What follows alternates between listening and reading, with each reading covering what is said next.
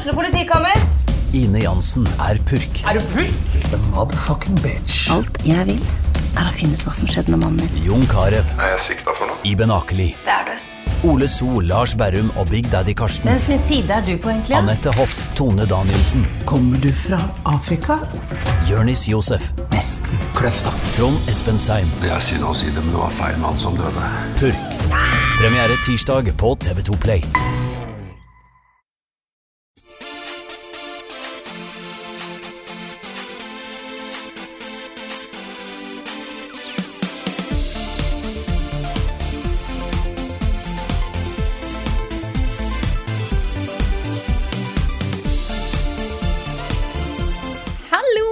Velkommen til en ny episode av podkasten Level Backup. Med meg Frida Danmo, og med meg som vanlig har jeg Karl Martin Hogsnes og Rune Fjell Olsen. Hallo, folkens. Hei, hei. Hei, Frida. Hvordan har dere det på denne torsdagsformiddagen? Veldig bra. Veldig trøtt. Du kan Er du fortelle trøtt? litt. Hæ? Rune Jeg er trøtt. Rune er trøtt, ja. Ja, jeg er trøtt. ja. Ja, Hvorfor er du trøtt? Vanligvis er det jo meg som er trøtt. Ja. Jo, jo. Nei, jeg tror at Jeg har sovet ca. to timer i natt. Um, og det var fordi, uh, fordi jeg fikk God of War på mandags ettermiddag, og så skulle vi ha Patron stream og litt sånne ting på kvelden, så jeg fikk ikke starta det før etter den streamen, da, i titiden. Og siden det så har jeg spilt nesten 30 timer. Um, og da har jeg jo holdt på med litt unger og sånt innimellom også. Uh, så det har ikke vært Og lagd level update, ikke minst. så tenkte jeg da på, på onsdag kveld så tenkte jeg ok, jeg gir et forsøk på å rekke embargo, som var uh, torsdag, uh, også i går, klokka ni. Ser om jeg rekker det. Uh, og da måtte jeg liksom bli ferdig egentlig ti da, for å kunne formulere et eller annet og så lage en video. Og så, Den slutten kom jo aldri, men den kom jo da klokka fire i natt. kom den, kom rulleteksten. Eh, og da var det sånn bare slokne. Så eh, det ble ikke noe anmeldelse til embargo, men eh, det ble eh, desto mindre søvn, da. Så, så det var jo bra. Jeg er veldig trøtt, altså. Veldig, veldig trøtt. Det er to timer eh, i natt, og så var det kanskje tre timer i går natt. Eh, det er ikke nok, Nei? Nei, men eh, Ja. dette er det vi får for å ikke være sånne influencers som får spilt Ja, tidligere enn an anmeldere.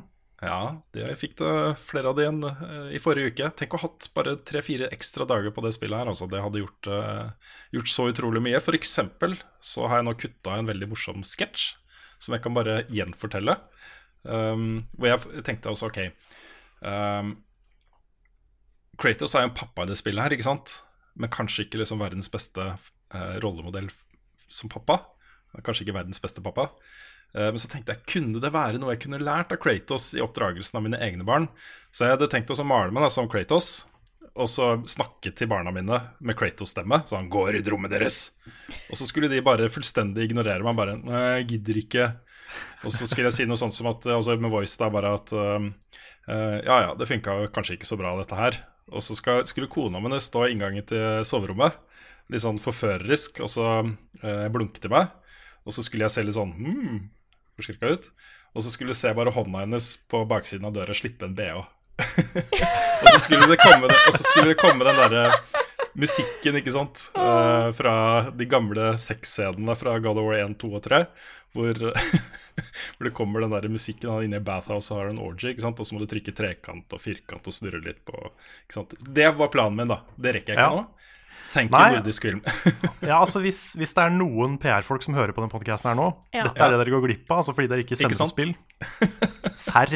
Hvis dere gir Og det hadde vært veldig morsomt. Gi Rune Ja. to dager ekstra, så blir det faktisk sketsj med og eh, BH-kasting og everything. Sant? Ja, ja, ja. litt Kona var helt med. Men det kunne, det kunne jo vært en serie også med liksom deg og Sam ute i skogen, så hvor du prøver å lære opp Sam i å liksom klare seg sjøl. Ja, ja, ja. Bygge trehytte og alt mulig. Ja, og, og Sam bare løper rundt og kødder. Ja. Egentlig originale ideen her var jo at vi, skulle gjøre det, men hvor Sam var bytta ut med Nick. ja. Hvor jeg liksom var pappaen til Nick. Eh, Men han fikk ikke spille det, da, så vi fikk bare en, en kopi nå. Så det ble ikke noe av. Men eh, det også hadde vært dritkult. Mm. Og han var liksom Nick.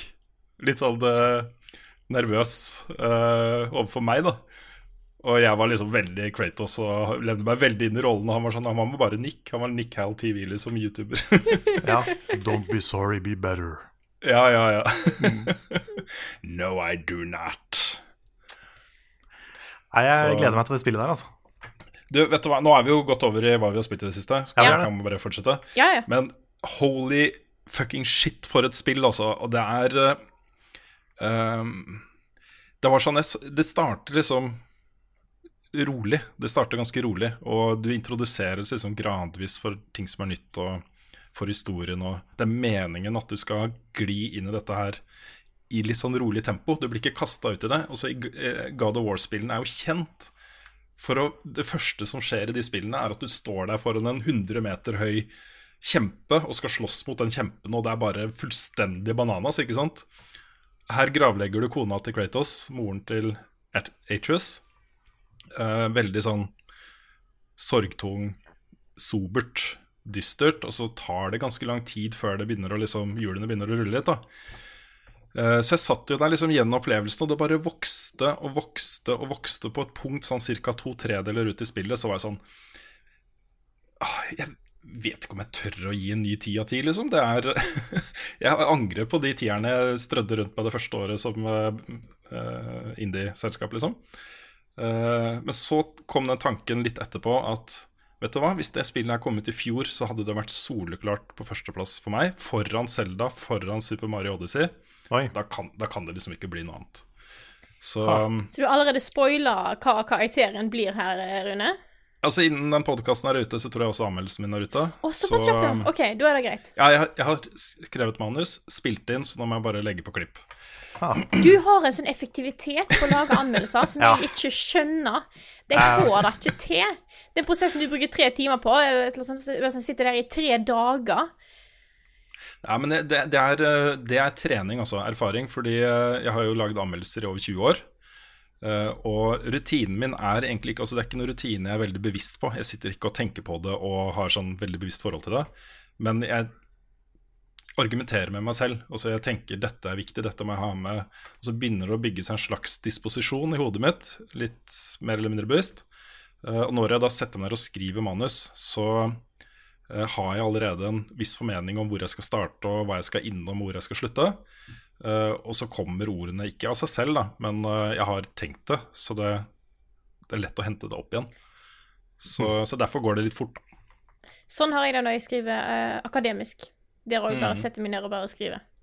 Ja, ikke sant? Jeg får, den, jeg får den noen ganger, men det er veldig sjelden. Altså. Som Mm. regel så må jeg sitte der lenge og liksom tenke over nes Ikke hver setning, men nesten. Nei, ikke sant. Nei, men for et spill, altså. Og det er eh, Det er også viktig å få fram at dette er et God of War-spill. Og det er ikke godt gjemt engang. Det er der. Eh, du kan eh, la det være så mye God of War du bare ønsker selv. Eh, du har alle de viktigste tingene fra eh, de fantastiske originale spillene som, som gjorde at de var eh, gøy å spille. De er der. Men det er så mye mer, og det er så utrolig eh, Utrolig selvsikkert gjort av Santa Monica Studios, den måten de har gjort dette på. For de har hatt en klokketro på at det de prøver å få til, er den riktige tingen å gjøre. Og så har de ferdighetene bak. ikke sant? Så du har kjempeflinke programmerere og artister, eh, altså visuelle artister, eh, lydfolk hele tiden som bare jobber på lag for å få fram alle de tingene her. Eh, det- bare sitter så utrolig bra, altså. Jeg er veldig, veldig imponert over det spillet. Men da må jeg komme med spørsmålet. Er det mulig å spille for oss som ikke har prøvd serien før, eller må du, Du- catch up? Vet du hva? Det, som, det, det er faktisk Det også, det snakker jeg ikke om i anmeldelsen, men det er så kult måten jeg har gjort dette på, fordi eh, du får ikke sånne lange tilbakeblikk om hva som har skjedd før. Dette er liksom Livet som den gamle Kratos har han lagt eh, bak seg for lenge siden. Han er ikke lenger den personen han en gang var. Og de eh, elementene som refereres til her, er mer sånn uh, hint da, om uh, alle de tingene som har skjedd før. Det er, ikke, det er ikke nødvendig at du kjenner til akkurat hva han har gjort. Du får bare en, en, en litt sånn diffust bilde av at her har vi ikke med verdens beste person å gjøre, uh, men han har lagt det bak seg. I tillegg, så når du starter spillet, så kan du velge å spille det uh, for historiens del. Da antar jeg at alt blir veldig lett. Uh, eller så har du tre nivåer over der, da, opp til God of War-modus. som eh, jeg ikke har tenkt å prøve på med det aller første. Eh, men det er fullt mulig. Det er fullt mulig å spille det. Du, får ing du har ingen problemer med å forstå hvor Kratos kommer fra, eh, basert på det som skjer i dette spillet. Og så er det jo også en ny mytologi. Dette har foregått i gresk mytologi før, nå er det norrøn mytologi. Og det er dritkult måten de har gjort sin vri på ting som er litt kjent fra før. Så du vil kunne kjenne igjen historieelementer fra norrøn mytologi, eh, men de har gjort det på sin måte, med litt nye rollefigurer og på en annen innfallsvinkel og litt sånne ting. Eh, Og det også funker dritbra. Så ah, Jeg vet ikke. Er det, hvor annerledes er kampsystemet fra de gamle spillene? For de var jo litt sånn button mash, uh, quicktime event-heavy. Mm. Det er uh, både veldig annerledes og ekstremt likt, for du kan velge selv hvor button-mashing-vennlig det skal være. Um, det er, du har både sånne perk-trær eh, og forskjellige typer armor, og i tillegg eh, sånne artifacts som du legger på armoren og uh, våpenet ditt, som gir tilleggsstats og tilleggsperks. Hvis du har lyst til å spille som buttermashing-spill, så bare legger du inn alle de morsomste, fete tingene, liksom, og så trykker du på knapper, og så blir det kjempegøy. så, men hvis du da velger å uh, kjøre det litt mer sånn uh, Souls-aktig, så kan du liksom velge ting som gjør det til en tank, altså armor som, som gir deg mye uh, helse og mye strength, og så bare perks som gjør det kjappere å kontre ting og sånne ting, da. Så det kan du velge selv, og det er fullt mulig å spille på begge måter. Ja. Det var et element som forvirra meg en god stund ute i spillet. Det at uh, du får tilgang til ny, nye armor set hele tiden. Uh, det har fulgt den derre uh, grønt for common, blå for rare, lilla for legendary og gull for epic. Det er liksom, De har det systemet der. Ja, Hvem er det som fant ut at det var liksom standarden. For det virker som Wow, å ha blitt en sånn psykologisk ting. Mm. Wow, bruker den uh, fargevarianten. Men jeg vet ikke hvem som Mm. brukte det før deg. Nei. Nei. Jeg vet ikke om Warcraft Eh. brukte det. Jeg kan ikke Warcraft, så. Jeg kan heller ikke det, men det er jo fint da at, at man har et uh, litt sånn enhetlig språk på disse tingene. At man skjønner at man får noe grønt. Men jeg har, det, jeg har brukt blått gear helt til endgame i det spillet her, og det kan du fint gjøre. Du må ikke være innom Legendary eller Epic for å komme deg inn og spille. Uh, Det kan du bruke tid på etterpå, når du skal liksom gjøre alle de tingene du ikke rakk å gjøre før rulleteksten kom. Så kan du begynne å pusle med og jeg vil ha det armor eller det armor og fly rundt og samle materialer og gjøre sånne ting. Så, men det var litt for, forvirrende i starten.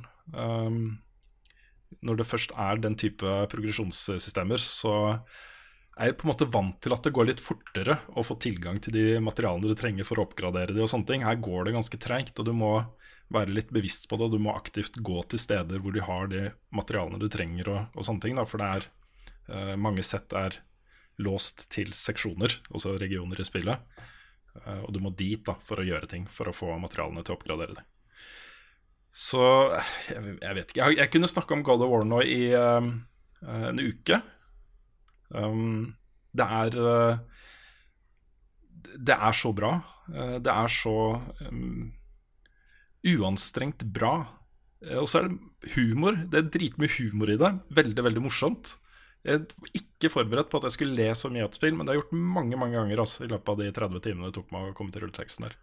Er det sånn Så- der eh, far og sønn-dynamikk, hvor liksom Kratos sier noe teit, og så kommer sønnen og bare Oh, dad. Nesten. Det er en del av det. Det er en del av det Og så er det to uh, sånne dvergbrødre som er uh, smeder. Som har lagd okay. bl.a. blant annet våpenet som eh, Kratos bruker i det spillet her, Leviathan Axe. eh, som har blitt uvenner. Og de er sånn De er overalt, og når du kommer til et nytt område, så står de der da, og så holder på og slår på metall og bla, bla, bla. Og så bare sånn Hvordan kom du deg dit? Nei, det vet jeg ikke. Eh, Han ene er veldig sånn um, uh, uslepen.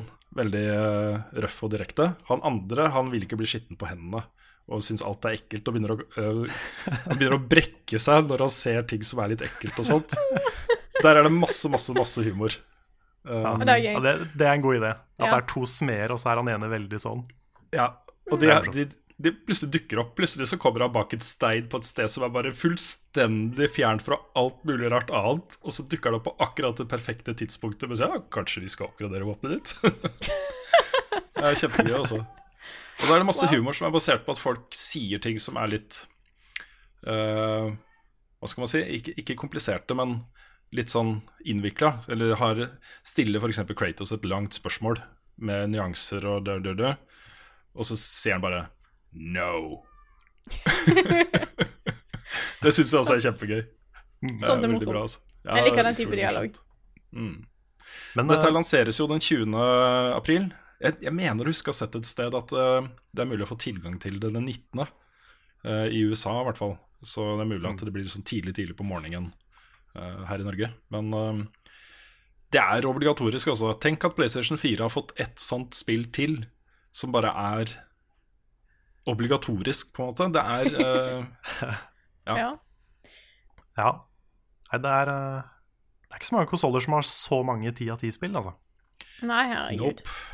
Det er liksom eh, Vi har jo, uh, vi har jo snakka nok om Bloodborne i løpet Ja. av Level Up sin tid. Ja. Um, og nå God of War på toppen. Ja, men det var liksom det, eh, det som skjedde etter at jeg ga de fire tierne uh, for to år siden, det var jo at jeg spilte Bloodborne og skjønte at vet du hva, jeg har lagt lista for lavt. Det er her den bør ligge. Dette er liksom ti av ti. Og nå skal jeg være forsiktig med å sammenligne God of War og Bloodborne. Det er to ganske forskjellige spill som jeg liker av to ganske forskjellige grunner. Men eh, eh, kvalitetsmessig, altså eh, faget, spillutvikling, og den lidenskapen som ligger bak dette her, og måten det kommer fram på, er sammenlignbart. Det er på en måte to mestere av hver sin sjanger som briljerer med det ypperste av det man kan forvente av den sjangeren. Da. Um, så ja. Der ligger lista. Ja. Du, har, Ja. du har sikkert prata om dette her i anmeldelsen, men stemmer det at hele spillet er ett one take?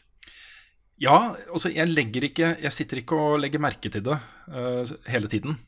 Det er på en måte der kameraet flytter seg jo og går litt rundt og opp og ned og, uh, og sånne ting. Og så er det noen uh, sånne uh, transition-sekvenser hvor du går gjennom en hvit vegg, f.eks. Um, men ja, det er det. Det er latterlig bra løst. Det funker som bare det. Noen ganger så følger jo kameraet ikke sant, Atrus og går bort fra Kratos.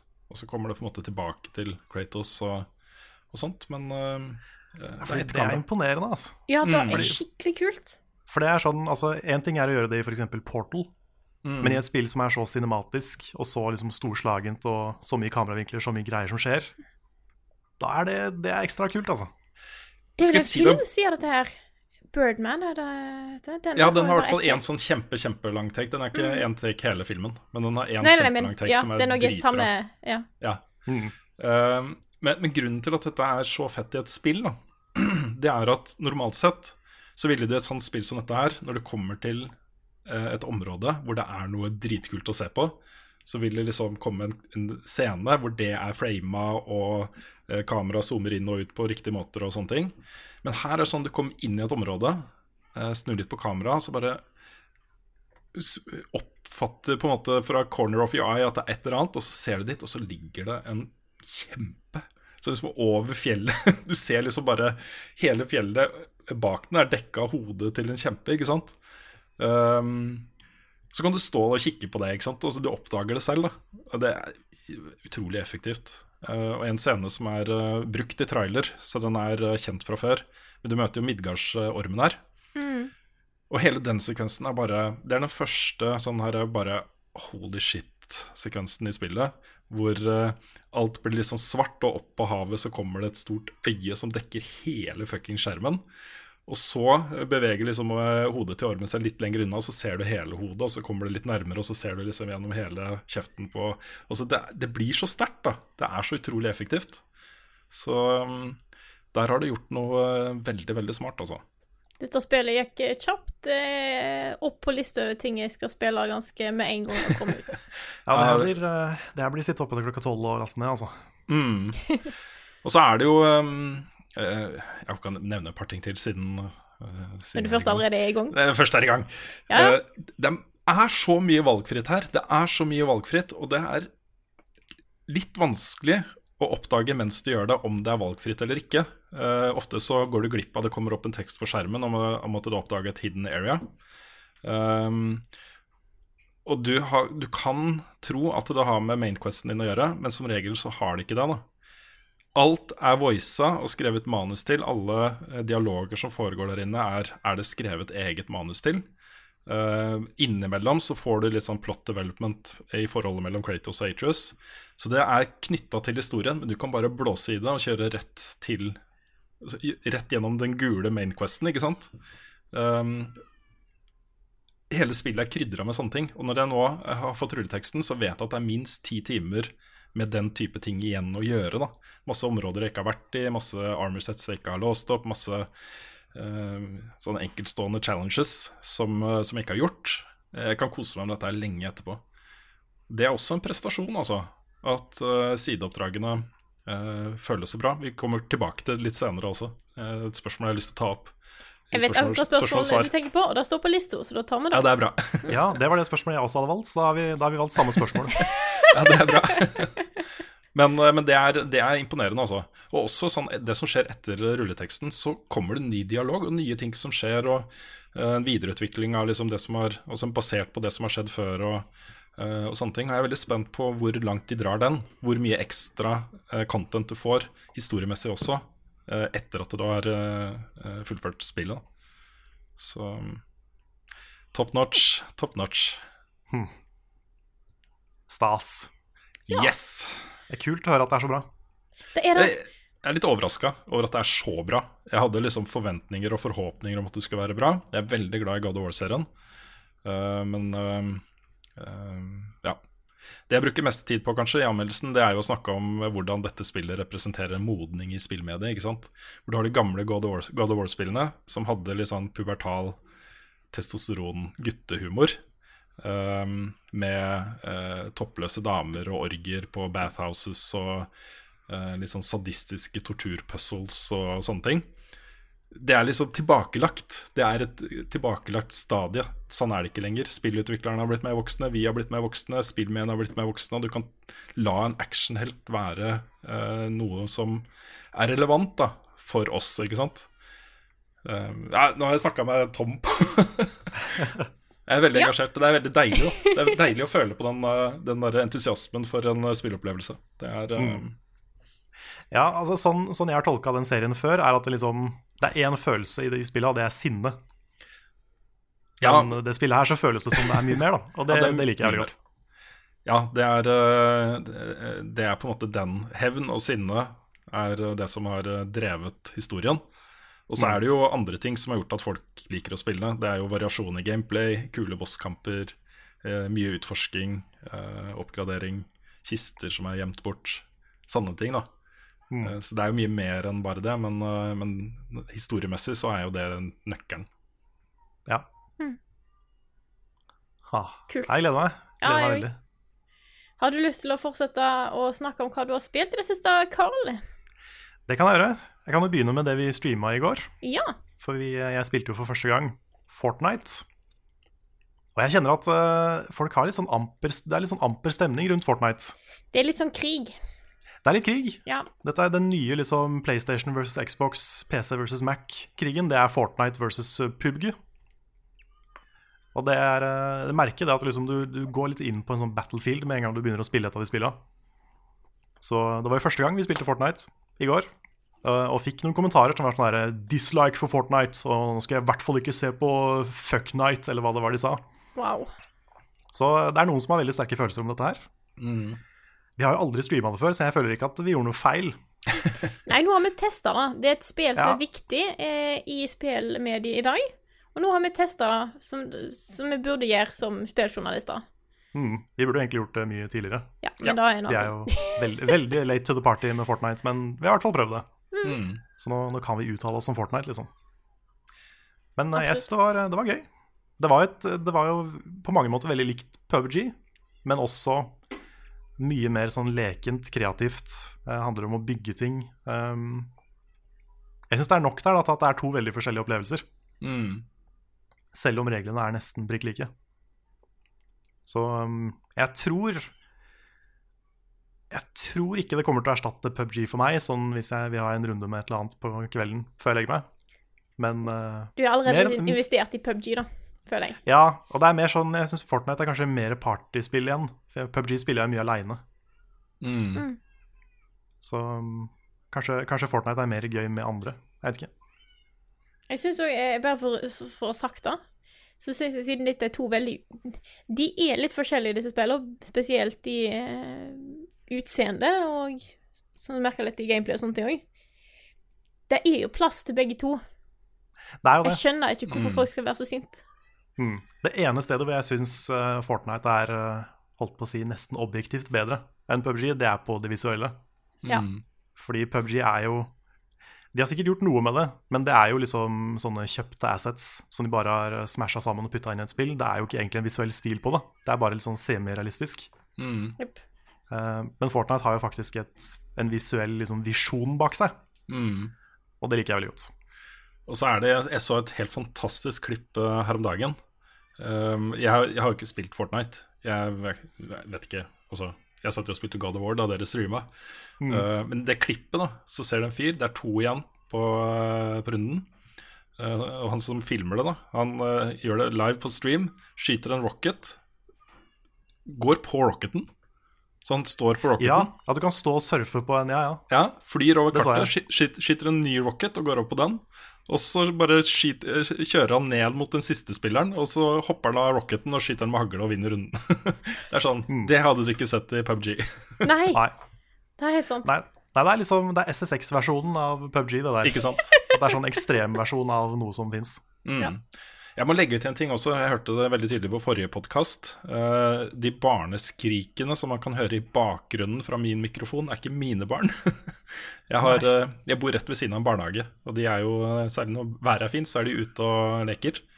eh, Og skriker. Så det er det. Hvis noen lurer på hva de barneskrikene er, så er det ikke fordi jeg har låst barna mine inne på et skap fordi nå skal pappa lage podkast.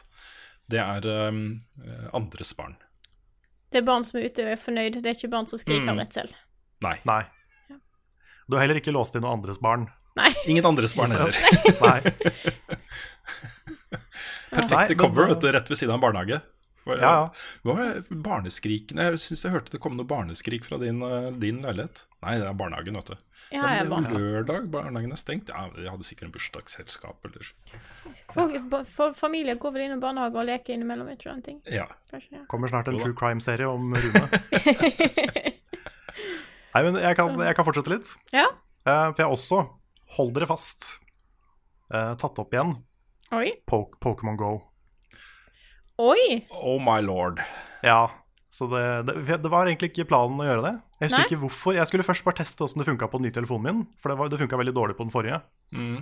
Og så uh, skulle, jeg skulle jeg sjekke ut den der aprilsnarr-tingen de hadde, for de hadde jo bytta ut alle spritesa, eller alle 3D-modellene med Pokémon sprites.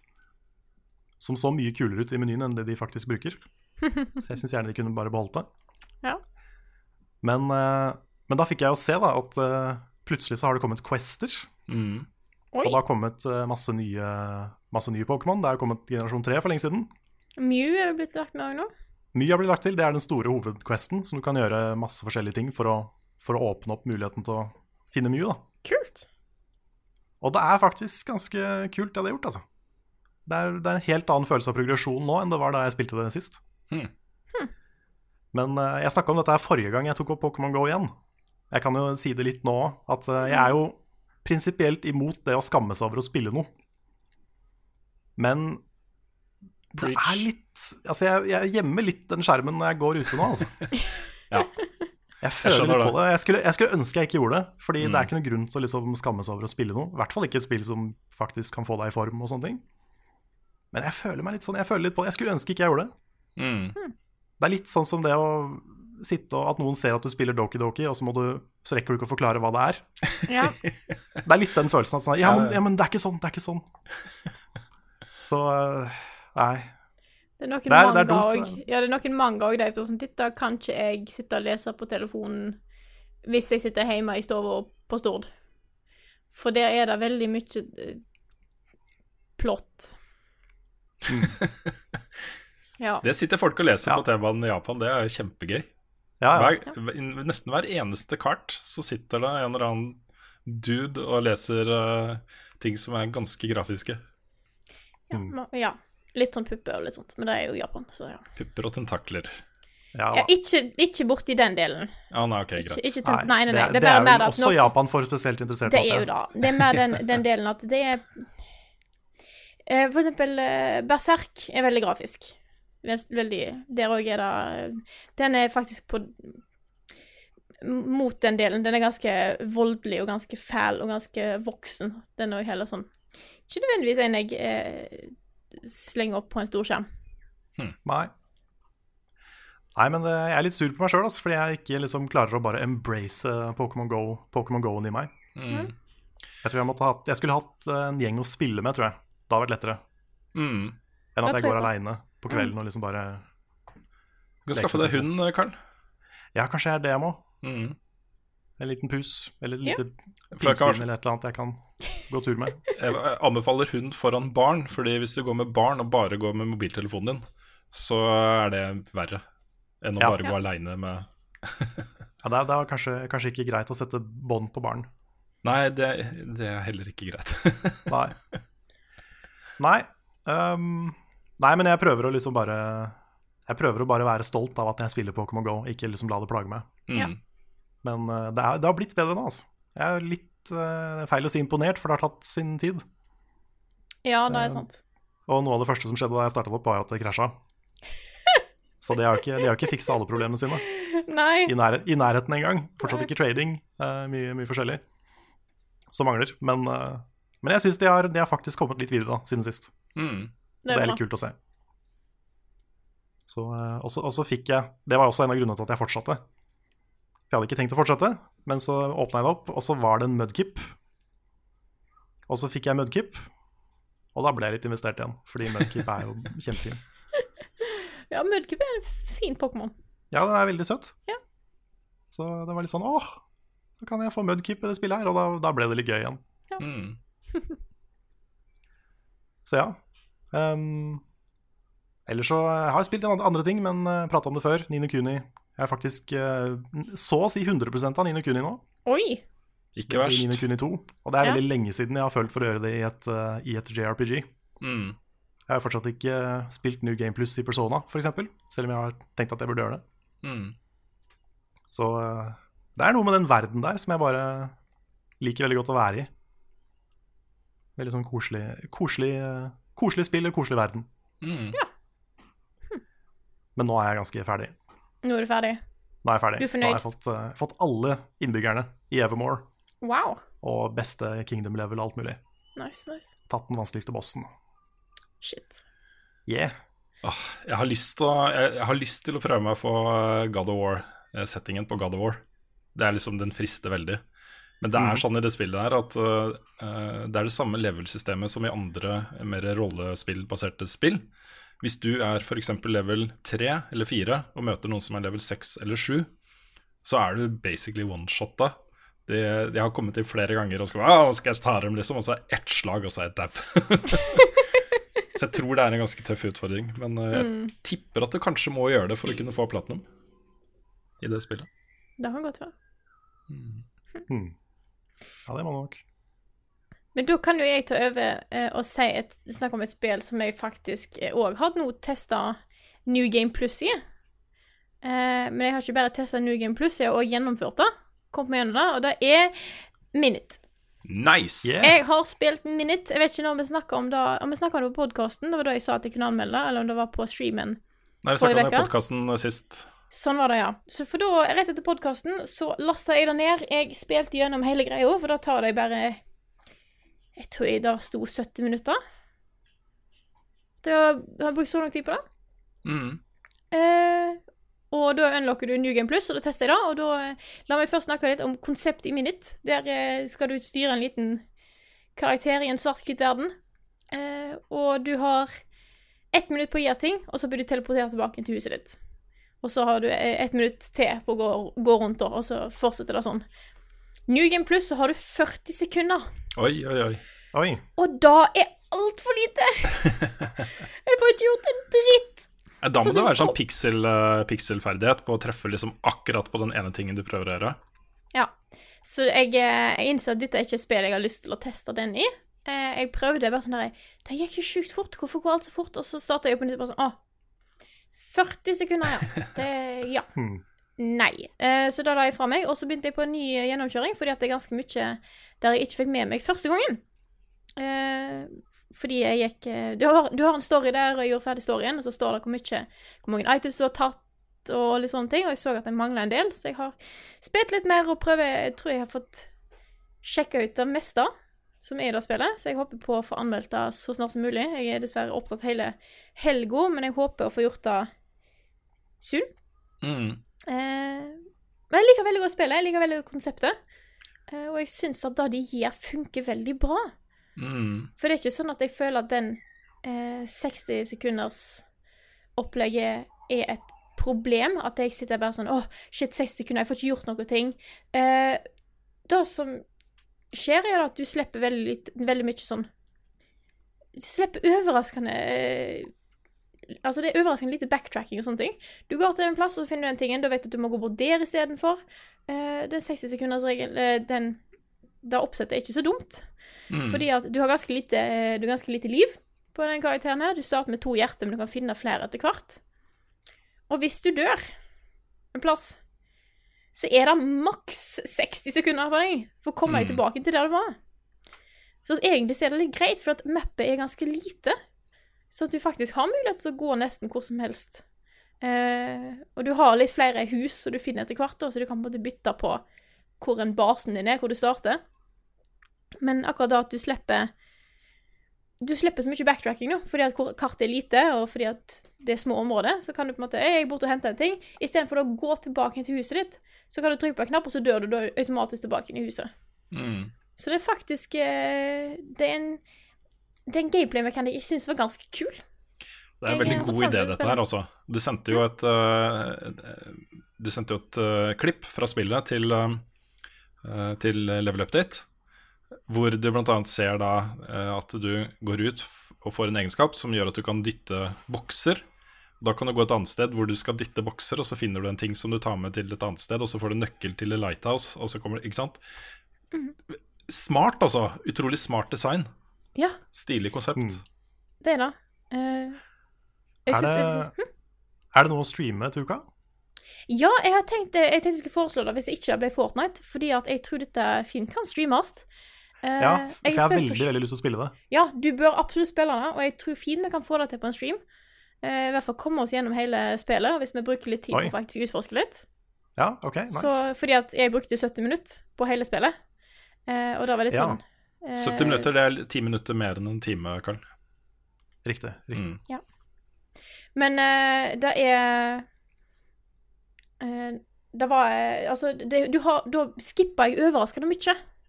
Så hvis vi faktisk går rundt og utforsker og prøver å se litt ting og gjør de tingene som spillet hinter til at du kan gjøre, som jeg glemte ut den første runnen, så tror jeg vi fint kan spille det i god stund.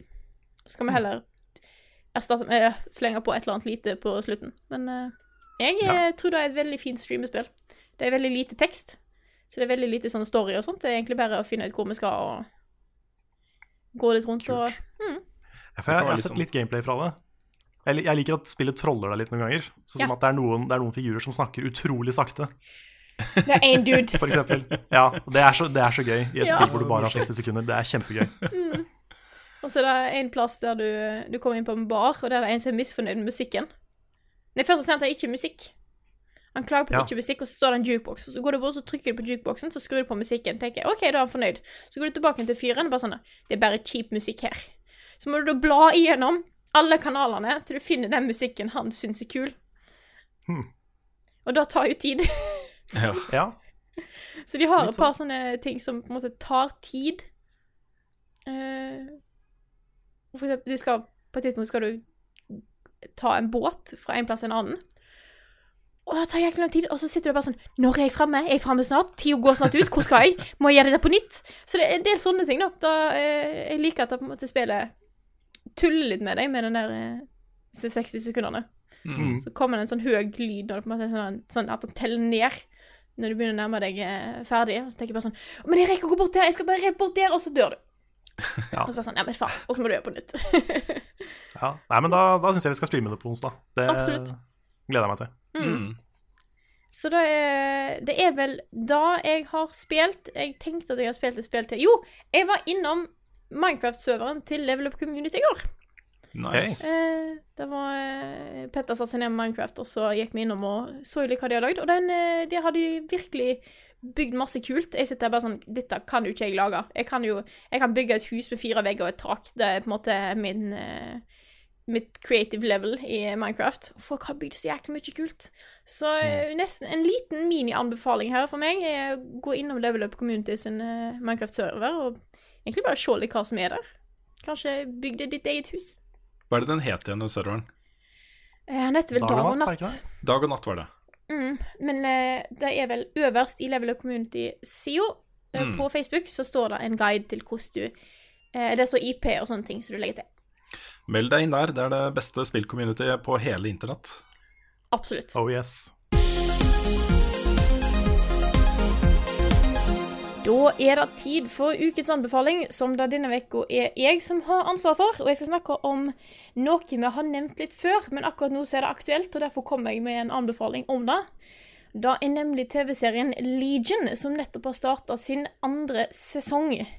Oh Eh. yeah, Starta den uka her, gjør det ikke det? I, nei, jeg tror faktisk den starta forrige uke. Ja, det kommer Forrige to episoder. Mm. Ja, så jeg tror Ja, andre episode er ute nå, så den skal jeg sette meg ned og kose meg med. Eh, For de som så første sesongen, så kan jeg love at eh, i hvert fall episode én av sesong to er like crazy som sesong én var. Eh, Og hvis du ikke har sett sesong én, så er det et veldig godt tidspunkt å begynne på. Eh, Så Herlig. slipper du å sitte og vente lenge på at sesong to kommer. Eh, Sesong én kan du vel se på Viaplay, var det vel vi fant ut av på streamen i går. Ja, var det Ja, det? det kan hende. Jeg lurer på det. Jeg, ikke si jeg, jeg, jeg tror den er der. Det Jeg kan tror den er stemme, på det. Altså. Viaplay. Sesong to kan du se på Fox dersom du har Get. Hva da? Ja, den er sikkert på det andre. Jeg har Get, og jeg har Fox. Eller jeg har muligheten til å velge Fox. Ja. Så det er derfor jeg vet det er på Get. Det kan hende at det er på de andre også. Ja. Det vet jeg ikke. Så Fox er plassen å se det på. Det er litt sånn kronglete å se den serien her, men hvis du har mulighet til å se den, spesielt hvis du har tilgang til Viaplay og Fox, eh, så anbefaler jeg virkelig å sjekke den ut. Det, jeg har virkelig sansen for den serien. Den er sånn Mm. passe sprø og eh, kreativ. Ja, den er så herlig weird. Ja, Mm. veldig annerledes fra alle de andre superheltseriene. du glemmer litt at det er en superheltserie. Ja, Ja, også, det, de, altså. liksom, også de som er sånne mørke Marvel på Netflix-serier. Mm. Uh, Mm. den, den skiller seg veldig ut fra de også, liksom. Ja, faktisk. Og det er kult. Min favorittscene fra sesong én der er den, øh, den dansescenen. Hvor det plutselig er et helt dansenummer innenfra det sinnssykehuset. Som Ja. var helt fantastisk. Eh, også en liten shout-out til uh, Henrik. Han er i familie med meg, men jeg, jeg vet ikke helt hva det er. Han er sønnen til kusina mi. Er det firemenning eller noe sånt? Tremenning? Femmenning? Jeg, tror ikke det er direkte slekt. Nei, kanskje ikke Det direkte blir, slekt. det blir tremenningen Hvis det er sønnen til kusinen din, så er det tremenningen til kidsa dine. Sånn blir det, ja. Mm. Ja. Ok. Takk for opplæringa, Frida. Bare hyggelig. Men han skriver eh, føler et ansvar som blodfan av regissør Noah Hawley, som også har laget Fargo-serien, å fremme denne serien for alt det er verdt. Det brukes visuelle og auditive grep i Legion som jeg aldri har sett make til. Det er desidert den mest interessante, mindbending og bisarre TV-serien jeg noen gang har sett. Jeg er helt enig. Altså, Ja. Du tas med på en sånn reise for sansene mer enn en sånn narrativ med en tydelig start og midt og slutt og sånne ting. Det er en opplevelse, egentlig. Mm, det er det. Ja. For eksempel, du kan, du kan i noen av episodene se etter øynene. Mm, Det er veldig mange steder hvor, du, hvor det er øyne skjult i bildet. mm, Og måten å bruke farger på og sånne ting. Det er veldig, mye, det er veldig stilig. Sånn filmatisk stilig. Mm. Og så er det jo da, eh, bak alt dette her, så er det jo en, den klassiske spennende uh, heltereisen. Uh, også Neo i Matrix og uh, Link i Zelda-spillene og, og sånt. Her har du en person Ja. Ikke sant? Her har du en person med uante krefter eh, som skal prøve å liksom bli den han kan være, ikke sant. Uh, så det er jo en del moments i den eh, første sesongen i hvert fall hvor, hvor når han får liksom utløp for de fantastiske kreftene han faktisk har, da, så får den derre wow, den derre Nio plukker ned kuler fra lufta og sånn, ikke sant. Det er en sånn type moments også.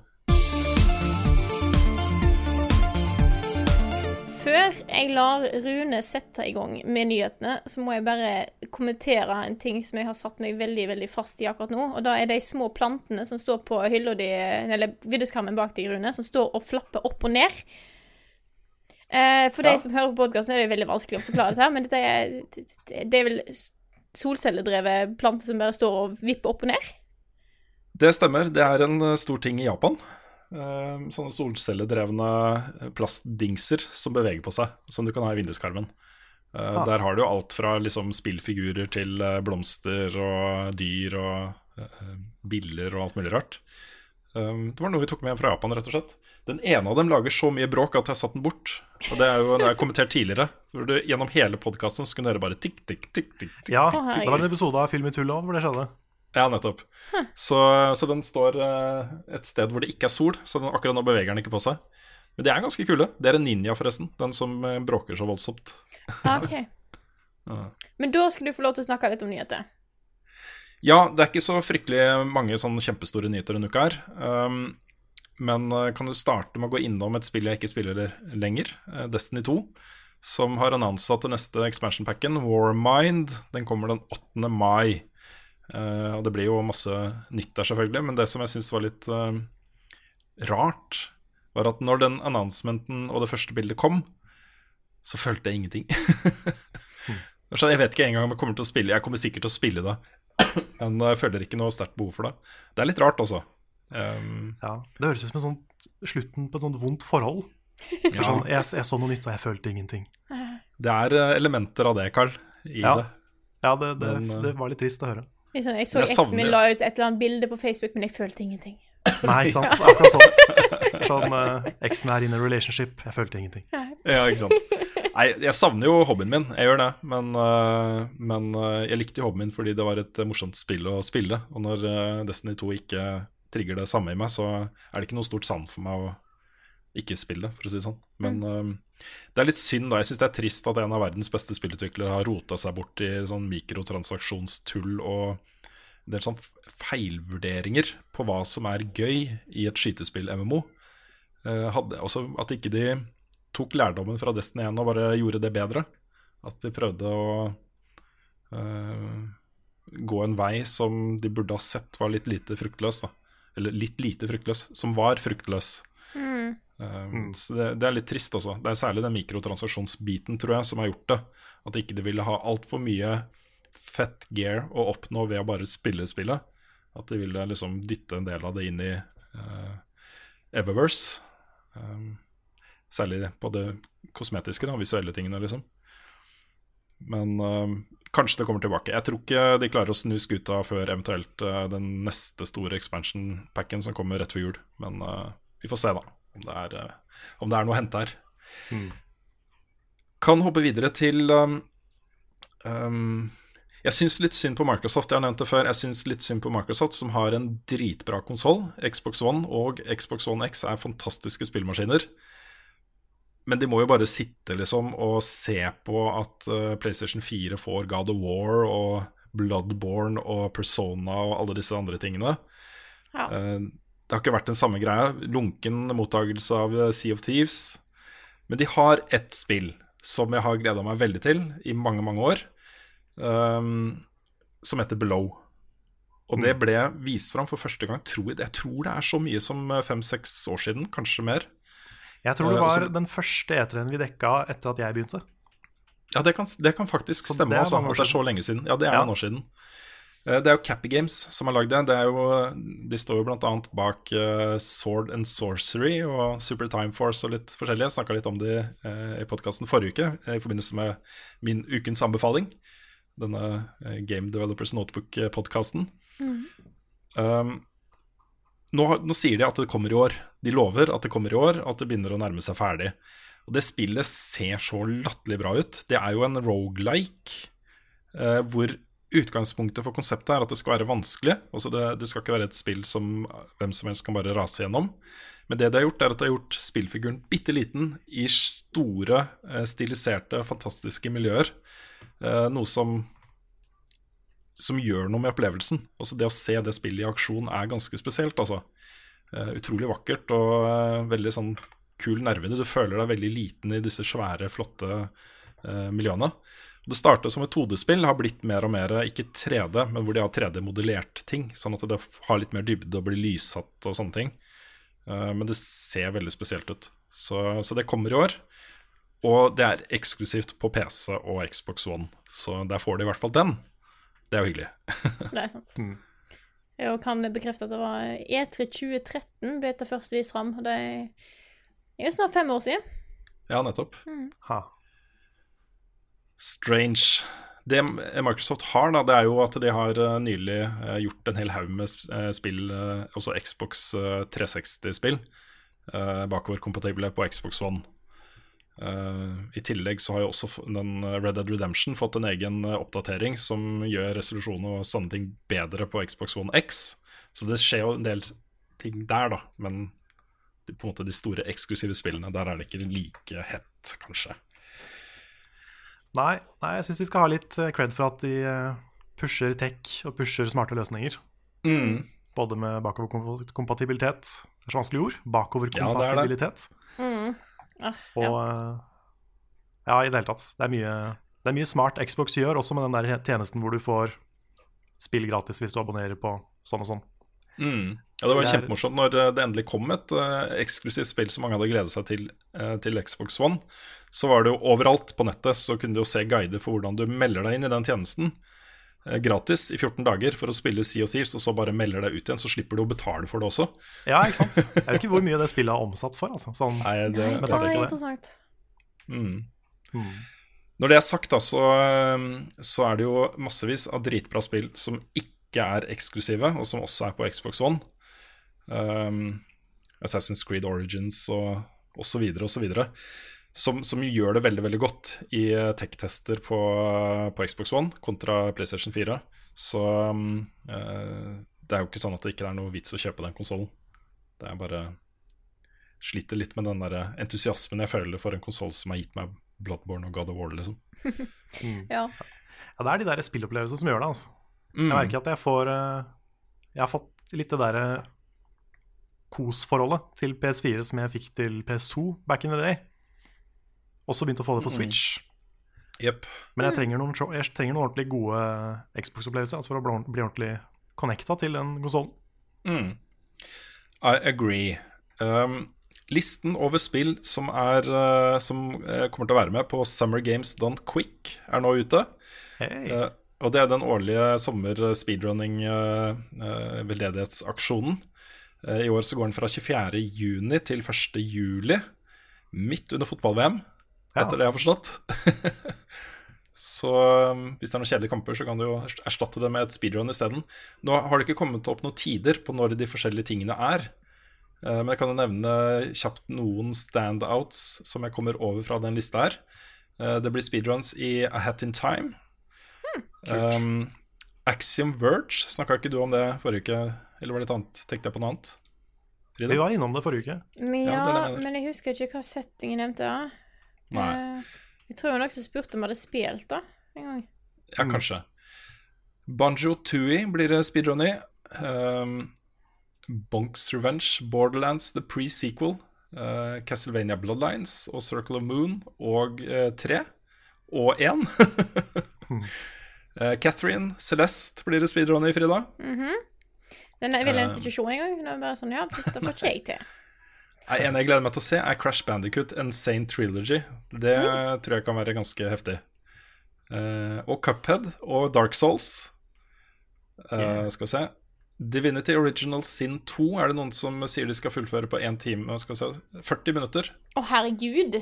Mm, Folk er sprø. ikke sant? Uh, Doom. Fair blir det speedrunna. Fine Fantasy 6. Oi. Skal vi se. Ghosts and Goblins. Golden Axe. Kult. Uh, Half-Life, Halo 2. Uh, um, skal vi se. Kingdom Hearts HD 1,5 Remix. Ok, Står det hvilket spill? Uh, det står Kingdom Hearts HD 1,5 Remix, og så står det Nei. Jeg tror det er hele Tre timer og fem minutter skal dere klare Ja, det det er sikkert, eh, sikkert det første, tenker jeg. Kanskje, kanskje, kanskje. Skal vi se Megaman 7, 8, 9, X2 og 4. Metal Gear Solid The Twin Snakes. Uh, Metroid Zero Mission gleder jeg meg veldig til. Skal vi se Uh, Paper Mario, Pikmin 3, uh, Prince of Persia, Warrior Within. Det blir mange mange spillere. Da ble Ja, det, blir, Sonic, det blir bra, bra GDQ i år, altså. Sonic 3 and Knuckles. Åh, det skal ses. Ja, massevis av Super Mario-spill, ser jeg. Skal vi se, massevis av Zelda-spill. Undertale, Tomb Raider 1. Og skal vi se om jeg finner ett til. Uh, Wave Race. det er masse Nice. spill her. Ja, det er en varm anbefaling. Altså, se på Games Done Quick. Det er sånn skikkelig feel good-event som varer i en hel uke. Mm, Og bare god stemning, uh, i hvert fall syns jeg. Det er noen som henger seg opp i litt sånne der, eh, dramagreier behind the scenes, men det, det er liksom ikke Jeg syns ikke det er verdt å bry seg om. Da. Nei. Jeg synes det er, Den eventen er så hyggelig. Det er en sånn genuint positiv ting. De samler inn millioner av kroner, også millioner av dollar, til uh, litt sånn forskjellige veldedige formål. Det har vel vært mye Kreftforeningen, eh, Leger uten grenser har de vært innom. Litt eh, forskjellig. Det jeg syns det det er kjempebra. Altså. mm. Den eventen er bare, bare bra. Da er akkurat den eh, Det er bra tid, for den tida der har jeg ikke tenkt å gjøre en ting, for da er jeg ferdig Nice. med mitt eh, studie. Så da, det passer bra å slappe av med litt uh, Games on Quick. Ja. Jeg skulle ønske det var uka etter, for da, da tar vi litt fri. Det er sant. Kanskje jeg, skal, kanskje jeg skal ta meg ferie en uke tidligere. Bare for å få med meg GDPR. Ja, det burde være mulig, det. Ja, Ja, vi får se. Greit, siste nyhetssak, veldig kjapt. Vi snakka om det som en bekrefta nyhet forrige uke, selv om den ikke var det helt 100 uh, ennå. Den ble jo det, samme dag som eh, vi spilte inn podkasten. Spyro Reignited Spyro Reignited Trilogy, det er et fryktelig vanskelig ord å si, eh, kommer. Det er de tre første Spyro-spillene. Den kommer til PS4 og Xbox One den 21. september, så det er nå confirmed, og det ser rålekkert ut. Så den tror jeg, Jeg må, som jeg må dele en ting der. Ja. Okay. Fordi jeg, eh, min venninne i England, Sophie, er erkefan av Spyro. Så jeg sendte ut traileren og fikk uh, tre meldinger tilbake. Det første er bare sånn der O-face. Og det andre er So many complex emotions. Og så tredje er What the fuck have they done to him? så det er visst uh, veldig, veldig, veldig dedikerte Spyro-fans har visst litt blanda følelser. I hvert fall hun har- hadde det. Ok. Vet ikke hvorfor, men for meg så så det jo bare veldig pent ut. Da har vi nådd siste segment i podkasten. Vi skal ha ukens spørsmål. Kjør vignett.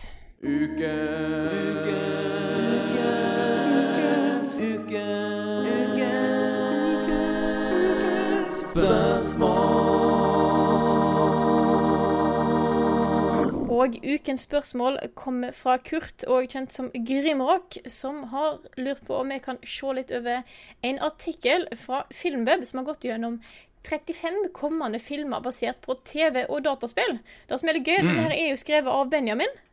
Eh, Ja, kan jeg fortelle Ja. noe litt funny? Ja. Fordi eh, her om dagen så eh, Det var da jeg var og så Ready Play One på kino med kona. Så på vei ut fra salen så møtte jeg en tidligere kollega i VG som jeg ikke har sett siden jeg slutta i VG. Og hilste, og jeg kunne se med en gang at han skjønte ikke helt hvem jeg huska ikke helt hvem jeg var. Jeg hadde på meg caps da, og kona mener, påstår, at jeg ikke Altså det er litt vanskelig å kjenne meg igjen når jeg har på caps. Uh, men det tok ikke så lang tid før han liksom huska hvem jeg var, da. Så hadde vi en samtale og sånt. Men på vei hjem, hvor vi er i rulletrappa på Nationaltheatret uh, T-banestasjon, togstasjon, så møter jeg Benjamin, tror jeg, da. I motgående, liksom. Han er på vei ned, og jeg er på vei opp. Og så sier jeg liksom 'Hei, Benjamin. Uh, hyggelig å se deg igjen', og bla, bla. Så får jeg bare sånne enstavelser tilbake. Jeg spør han ja, 'Er du fortsatt i VG, eller?' Så sier han nei. Jeg tror ikke han kjente meg igjen, hvis det var han.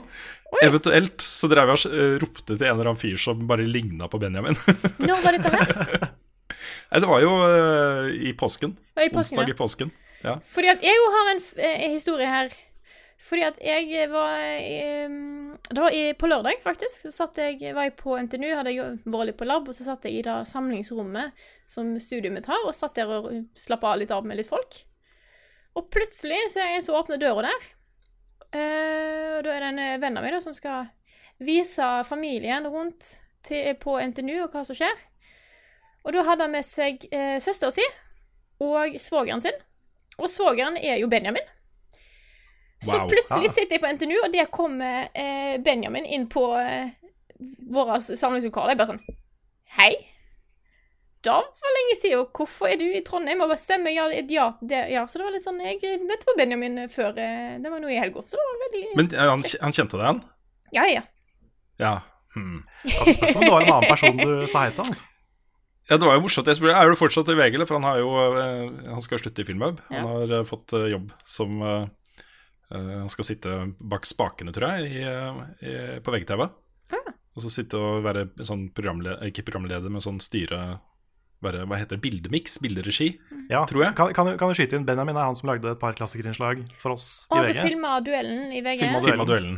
Ja. Veldig hyggelig type. Kjempehyggelig. Jeg snakka masse, masse med ham. Nesten, jeg ble nesten litt sånn satt ut av at han ikke kjente meg igjen. Hvis det var han, da. Ja. Men jeg spurte er du fortsatt uh, Har, har du starta VG nå? Bare en nei. Ok. Er det, hvis det, da er det en som ligner på Benjamin, som også har noe med VG å gjøre. Ja, jeg vet ikke, jeg kanskje bare vil bli kvitt meg. Jeg vet ikke. Dette her må vi klarne opp i. Ja. Må Ja, det er litt flaut å sende meldinga også, da. Bare sånn ehm, Husker du for tre uker siden Var du Så istedenfor å sende melding, så snakker vi om det på podkasten. Ja. Ja, ikke sant? Jeg tror ikke han hører hører på på podkasten. Benjamin, så, Ja. så var det veldig kjekt å se deg igjen. Eh, og hvis Mm. det var deg eh, Rune traff på, så si ifra. Eller ikke. Tidenes lengste digresjon, dette her. Men Skal vi eh, jeg må snakke også legge om, til at eh, Ja, men jeg må legge til en ting til om Ja. Benjamin. OK. Fordi han, han slutta jo i, i VGTV. Han var ikke fast ansatt, han var uh, frilanser eller sånn prosjekt eller vikar eller et eller annet. Um, og så plutselig begynte han å dukke opp i feeden min når han sitter med Scarlett Johansson og alle de store filmstjernene. ikke sant? Han gikk jo viralt fordi Zendaya retta på håret hans. Ja, ja. Det var kjempegøy. Så det har vært eh, funny å følge han på eh, Facebook. Det høres ut som vi er sånn ordentlig sånne fangirls av Benjamin. Og snurte over at han ikke kjenner oss igjen i rulletrappa.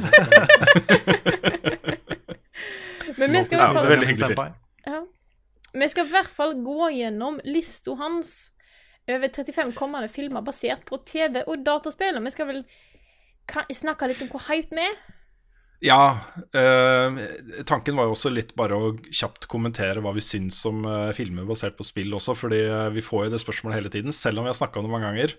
Så, så i hvert fall min generelle holdning er jo at det sjelden går bra. Det er jo ikke noe kontroversielt å mene det, egentlig. Det er jo ikke så lett å overføre et interaktivt eh, medium og en interaktiv historie til film. Du må gjøre noen grep der, eventuelt, for å få det til å funke. Eh, og i tillegg så føler jeg at mange av disse filmene kler av historier i spill lite grann. At ting, Ja. elementer sant, som, som filmskaperne føler må være med, fordi det er en så stor og viktig del av spillserien. Og fansen, som er da primærpublikummet til disse filmene, er jo de som er glad i spillene, kommer til å bli sinte hvis ikke det er med. Og så blir det gjort ja, Så blir det ikke en bra film, da. Film er film, og spill er spill, ikke sant. Jeg Syns jeg sjelden de får dette bra. En av den beste opplevelsen jeg har av eh, spill som har blitt film, er World of Warcraft. Den syns ja, jeg var var en bra film. faktisk ikke så verst. Nei, Warcraft-filmen var ok. Den er sånn sånn eh, seks av ti for meg. Den er Ja. ikke noe bedre enn det. Nei, nei. Det er da jeg eh, sier at det er den beste av de som er der. Det betyr ikke at den nødvendigvis er den beste filmen jeg har sett. Nei. Nei. Nei, jeg er uh, veldig veldig mange som spurte meg og oss om vi skulle se Tomb Raider-filmen, den nye Tomb Raider-filmen før den kom ut. Uh, tydeligvis mange som er opptatt av det og som gleder seg til disse filmene og, og syns det er bra. Jeg hadde null hype for den. Det er fordi uh, kommer aldri til å skje, tror jeg, at en film basert på et spill topper det jeg føler for spillene det er basert på. Det er også en sånn holdning blant noen at uh, spillmedier må liksom legitimeres via film. At uh, Mm. nå må vi ta de bra spillhistoriene og gjøre dem til filmer, sånn at folk skjønner at de er bra. Nope. Ja. Men det er jo ikke sånn. Ja, det er unødvendig, fordi de står jo fint som spill. Mm. Jeg bare tenk deg for eksempel da et um, Nå prøver jeg på å komme med et annet eksempel enn noe fra Fromsoft. Mm. Er det Bloodborne du tenker på? Half-Life, som jo er en film som kan bli noe av. Ja. Det er JJ Abrams som eh, sitter med produksjonsrettighetene til det. Det er jo en eh, Det er jo ikke mye dialog i det spillet. Og det er en, en enslig eh, hovedrolle som går rundt i disse miljøene og skyter eh, aliens og sånne ting. Det er jo ikke noe særlig verken karakterutvikling eller, eh, eller interaksjon med andre, uh, andre rollefigurer. Selv om det er litt, da, så er det ikke så mye av det. Og det er jo ikke så lett å lage en god film av det. Du må jo legge til ting. Må jo, han må kanskje ha en love interest, og det må være liksom andre ting? Som, som gjør dette til en historie som funker på film. ikke sant? Hadde det gått an å lage en Half-Life-film uten Gordon Freeman?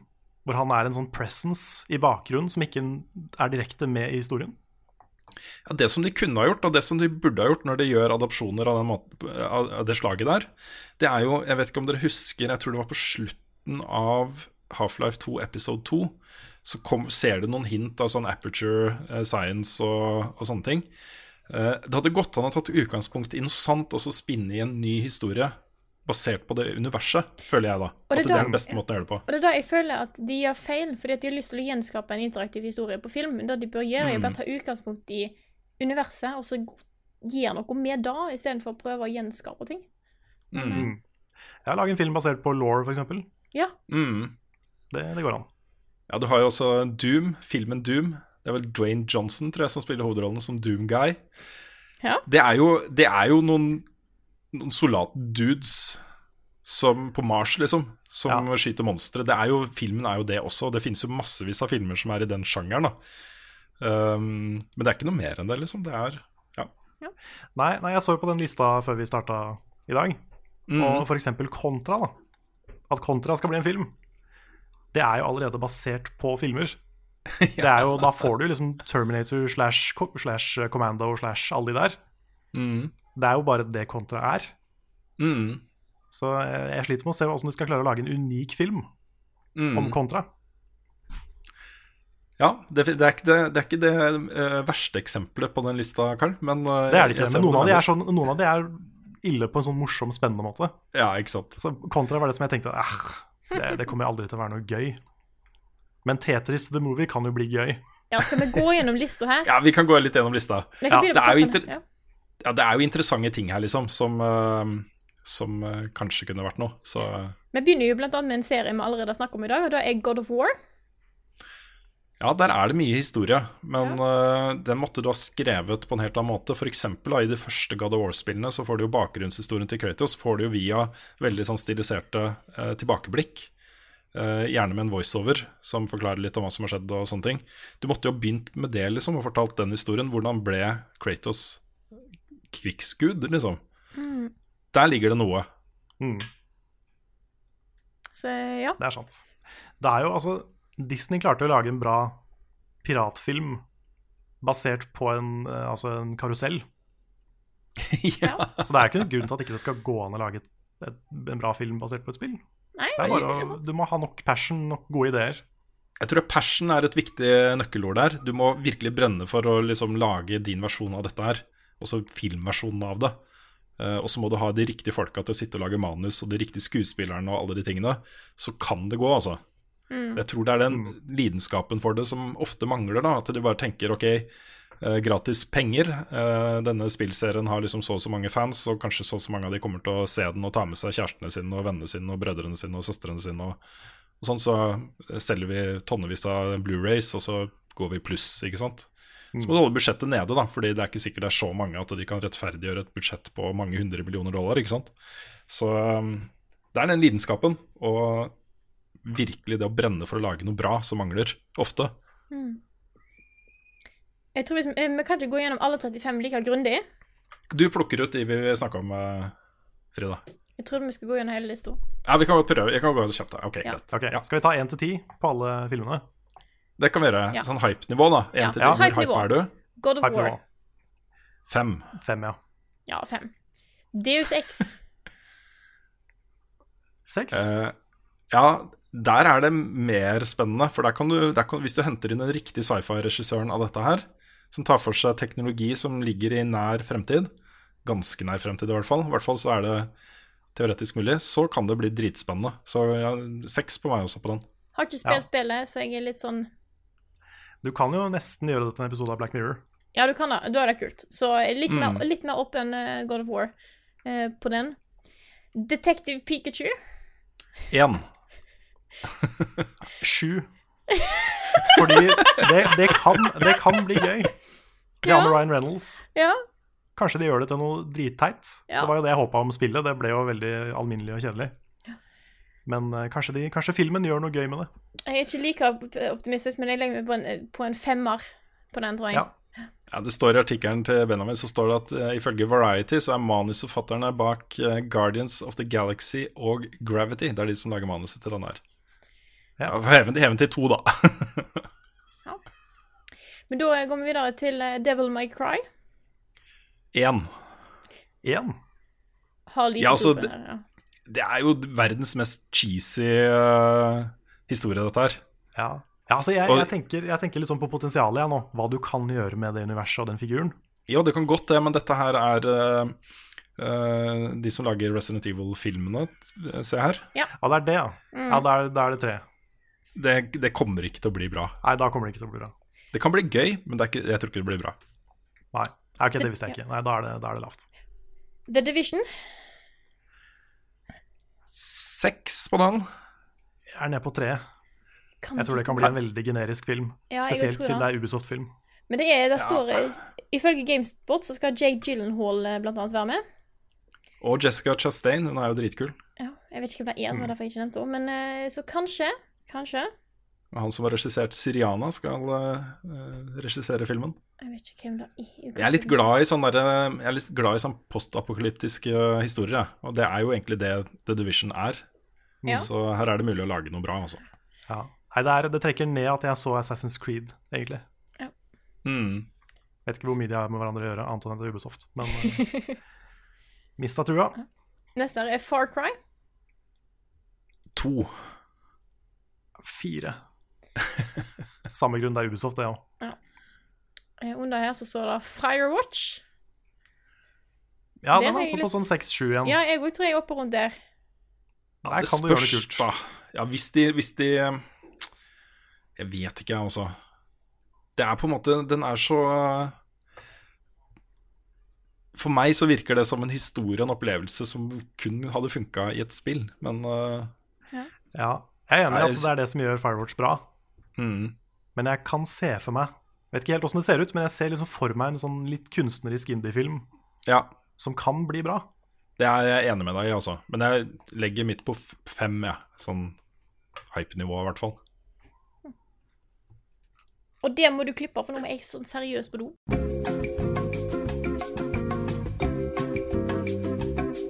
Neste film er Five Nights at Freddy's. Den har jo En. nevnt før en gang. Én. Ja, Home Alone-duden Ja.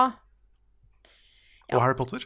Mm, Ja, var det Ja, stemmer. To første Harry Potter-filmene. Ja. Chris Columbus. Ja. Jeg liker ikke skrekkfilmer generelt, så én. Filmen Ja, under Ja. Gears of War. Uh, tre. Ja, tre. Jeg bare ser for meg Alle, alle versjonene av den filmen jeg ser for meg i huet, er litt sånn øh. Ja, på den annen side så er det liksom uh, Starship Troopers syns jeg var dritkul. Og den kunne jo vært litt i gate med den. Kanskje litt mer eh, serious, men uh, det er noen elementer der som kunne vært gulle, altså.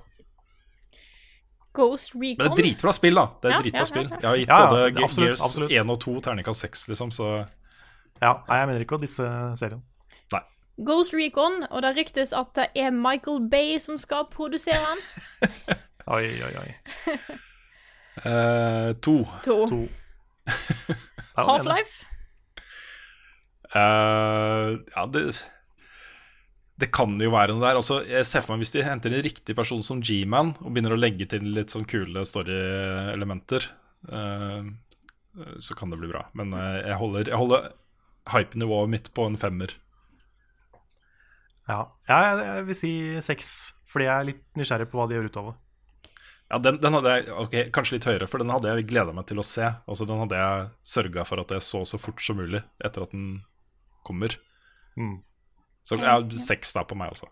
Altså får stemme for at det er en av, en av mine store, store ø, hull. Har Mm. spilt Half-Life. Ja, Se filmen først, da, før du spiller Ja, jeg ja, det er kanskje det jeg skal gjøre. Jeg har ikke spilt Half-Life, men jeg har sett filmen. da. Ja, ja. Vi kan gå videre til Heavy Rain. Åh, Én. hear, hear me out. Hear me out. Jeg tror ikke den blir bra, men jeg sluker jo alt som kommer fra David Cage. Ja det, det Også, gjør det. altså Jeg kommer til å være der på premieren og sitte med popkorn og glede meg Mm. Uansett om det blir bra eller ikke. Så der er jeg på ti, altså. Wow. Wow. Ja. Mm. Nei, men igjen, da, der er det jo elementer, liksom. Både den og ja. Beyond uh, Two Souls er det jo elementer som hadde blitt en kul film, bare du er i riktige hender. ja. Men, altså, men seriøst, altså, hvis noen hadde kommet bort til meg og sagt i dag skal vi se Heavy Rain-filmen Mm. Jeg hadde jo jubla, ikke sant? Det hadde vært kjempegøy. Åh, ja, Nei, det er Ja. Det er en spennende, spennende film. Jeg håper den blir lagd. Ja. Eh, neste er Just Cause. Én.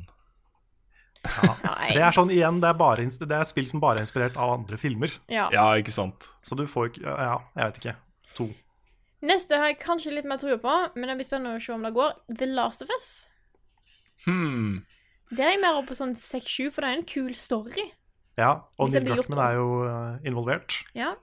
Mm. Men jeg trenger ikke den filmen. Det er Nei. mitt problem der. Jeg, Jeg er enig. Jeg er enig. jeg nekter å tro at jeg vil føle mer for, eller like mye, eller i nærheten av like mye for filmen som jeg gjorde for spillet. ja, det da. Så eh, jeg er på sånn tre-fire, kanskje. Jeg vil si seks der. Mm. Neste er Mass Effect. Oi, Der er det vel ting. der er det potensialet. Mm. Gjerne hvis de, gjør en, hvis de gjør noe annet enn spillhistorien. For det Mm. universet er jo megasvært. Men der, Det de der er jeg oppe på åtte. Det du må ta utgangspunkt i der, er jo på en måte det crewet. Altså hvor du har eh, Andromeda, så er det et nytt crew. ikke sant? Du måtte kanskje gjort noe sant, da. Et nytt crew som skal ut og følge sin egen historie, som ikke er basert direkte på spillene, men som er basert på Lauren og alle de andre tingene i universet. Mm. Ja. ja, de forskjellige alien-rasene og sånn, der, er- der er det mulig å gjøre mye kult. altså. Ja, Mye stilig sex, f.eks. Stilige sexscener. Ikke minst. Du må jo ha det. Mhm.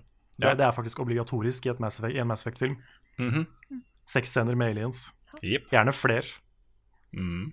Jeg ser nå veldig at det er ganske mange spill jeg regner med dere kommer til å snakke en del om, som er nødt til å på en måte prøve å Ja, ja. Kjør på, kjør på. Vi kjører på litt fortere. Vi er halvveis. Ja, ja, okay. Megaman Oi. to. Det spørs helt hva slags film det blir, da. Ja, hvis det, hvis det er Megaman X, så er jeg på en sjuer. Hvis det er vanlig Megaman, så er jeg på en firer. Ja, Jeg ligger på én, to. To ligger jeg på. Metal, Metal Gear Solid.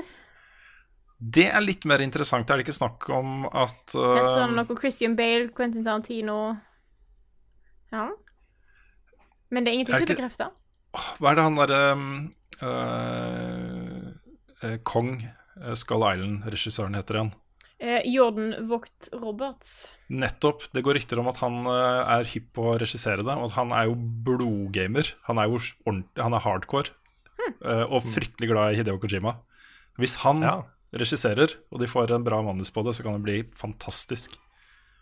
Så, så der er åtte. Ja, ja sju-åtte. Jeg håper de hvis, de, hvis de lener seg inn i alt det rare, og virkelig bare embracer alt det rare med Kojima, Mm. så er det kanskje ni. Kanskje. Kanskje ni. Dead Island. Én. Én. Det er bare T en zombiefilm. Det er jo literally bare en zombiefilm. Ja, Ja. det er sant. Tetris. Ti. Ja.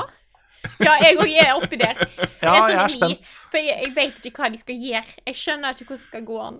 Nei, men vet du, jeg gidder ikke å se det på kino, så det Nei. blir emoji-filmen en gang til, liksom. Så den er på én for meg. Det skal bli trilogi. Ja, det Ja. også, ikke Altså, hvis, det blir, liksom. hvis de tar en emoji-filmen, så er det ned på én. Mm. Hvis de gjør noe rart med det, hvis de faktisk har en super weird idé, så kan jeg komme meg opp på sju-åtte.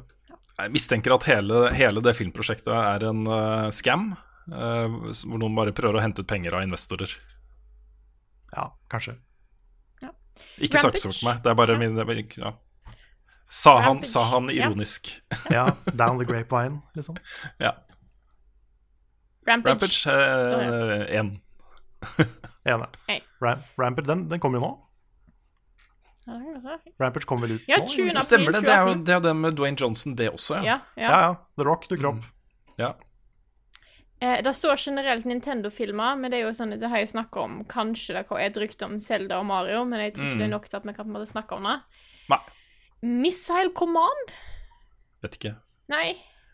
Pass. Nei, jeg husker, jeg husker spillet, men uh, Der kan du gjøre hva som helst. Det er jo så gammelt at det har jo ikke noe historie. Centipede Ja, samme der, egentlig. fra Atari. Ja. Nei, det er Ja. Metro 2033. Det er vel basert på ei bok, så det er vel innafor. Ja, det, Ja, Men uh, det går jo an. Det- ja, der, fem. Der, er, ja, fem. Der er det en del eh, kule law-ting å ta tak i.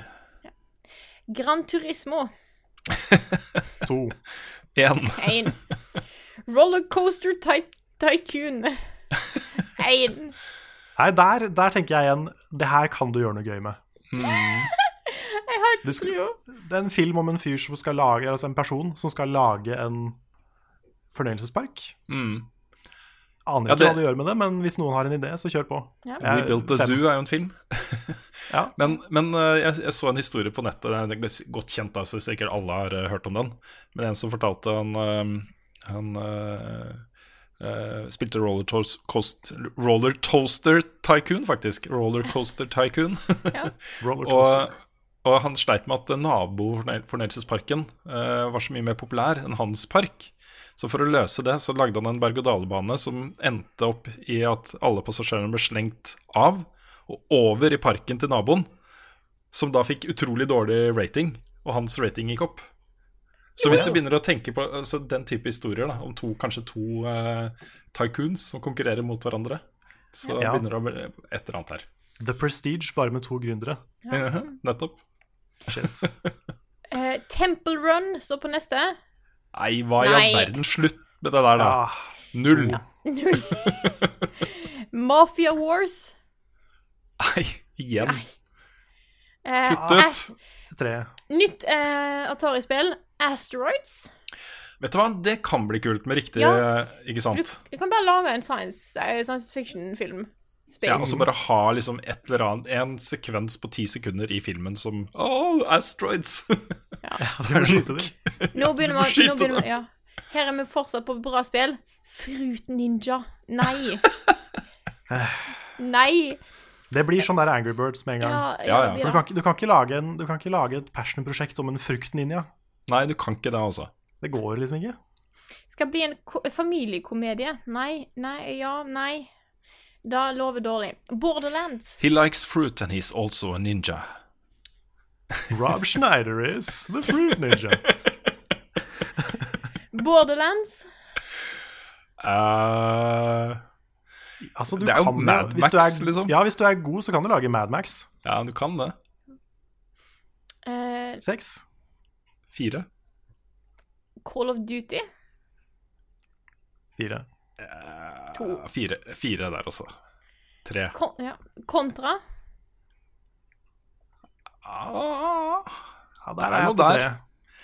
jeg liker litt det der uh, hard, hardkokt uh, militær enhet på tokt. Mm. Det er et bra utgangspunkt for uh, kule historier. Ja. Det fire. Så med siste spill på lista, vi kommer gjennom dette her, vet du, er Dantes Inferno. Hmm. Var det Der det som var skrevet av Clive Barker, det manuset? Eller blander jeg nå? Det står ingenting. Nei. Nei. I don't know. Hmm. Ja. Nei. Pass. Men nå eh, ser jeg at vi har jo snakka en god stund, så jeg vet ikke helt hvor mange andre spørsmål vi rekker å ta egentlig i dag. for nå- Vi kan ta noen til, da. Vi kan ta noen til, det kan vi. Vi kan begynne med det spørsmålet som dere alle, vi alle hadde plukka ut. Det er fra Bjørn Korneliussen, som skriver Når man hører ordet sideoppdrag, så forbinder man det ofte med repetisjon, og ofte kjedelig.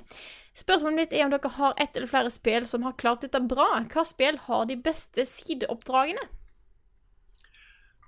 Ja, altså God of War er uh, åpenbare svaret for meg nå, veldig aktuelt. Og sideoppdragene er på en måte så godt integrert i, integrert i resten av spillet at du ikke skjønner at du spiller et sideoppdrag engang.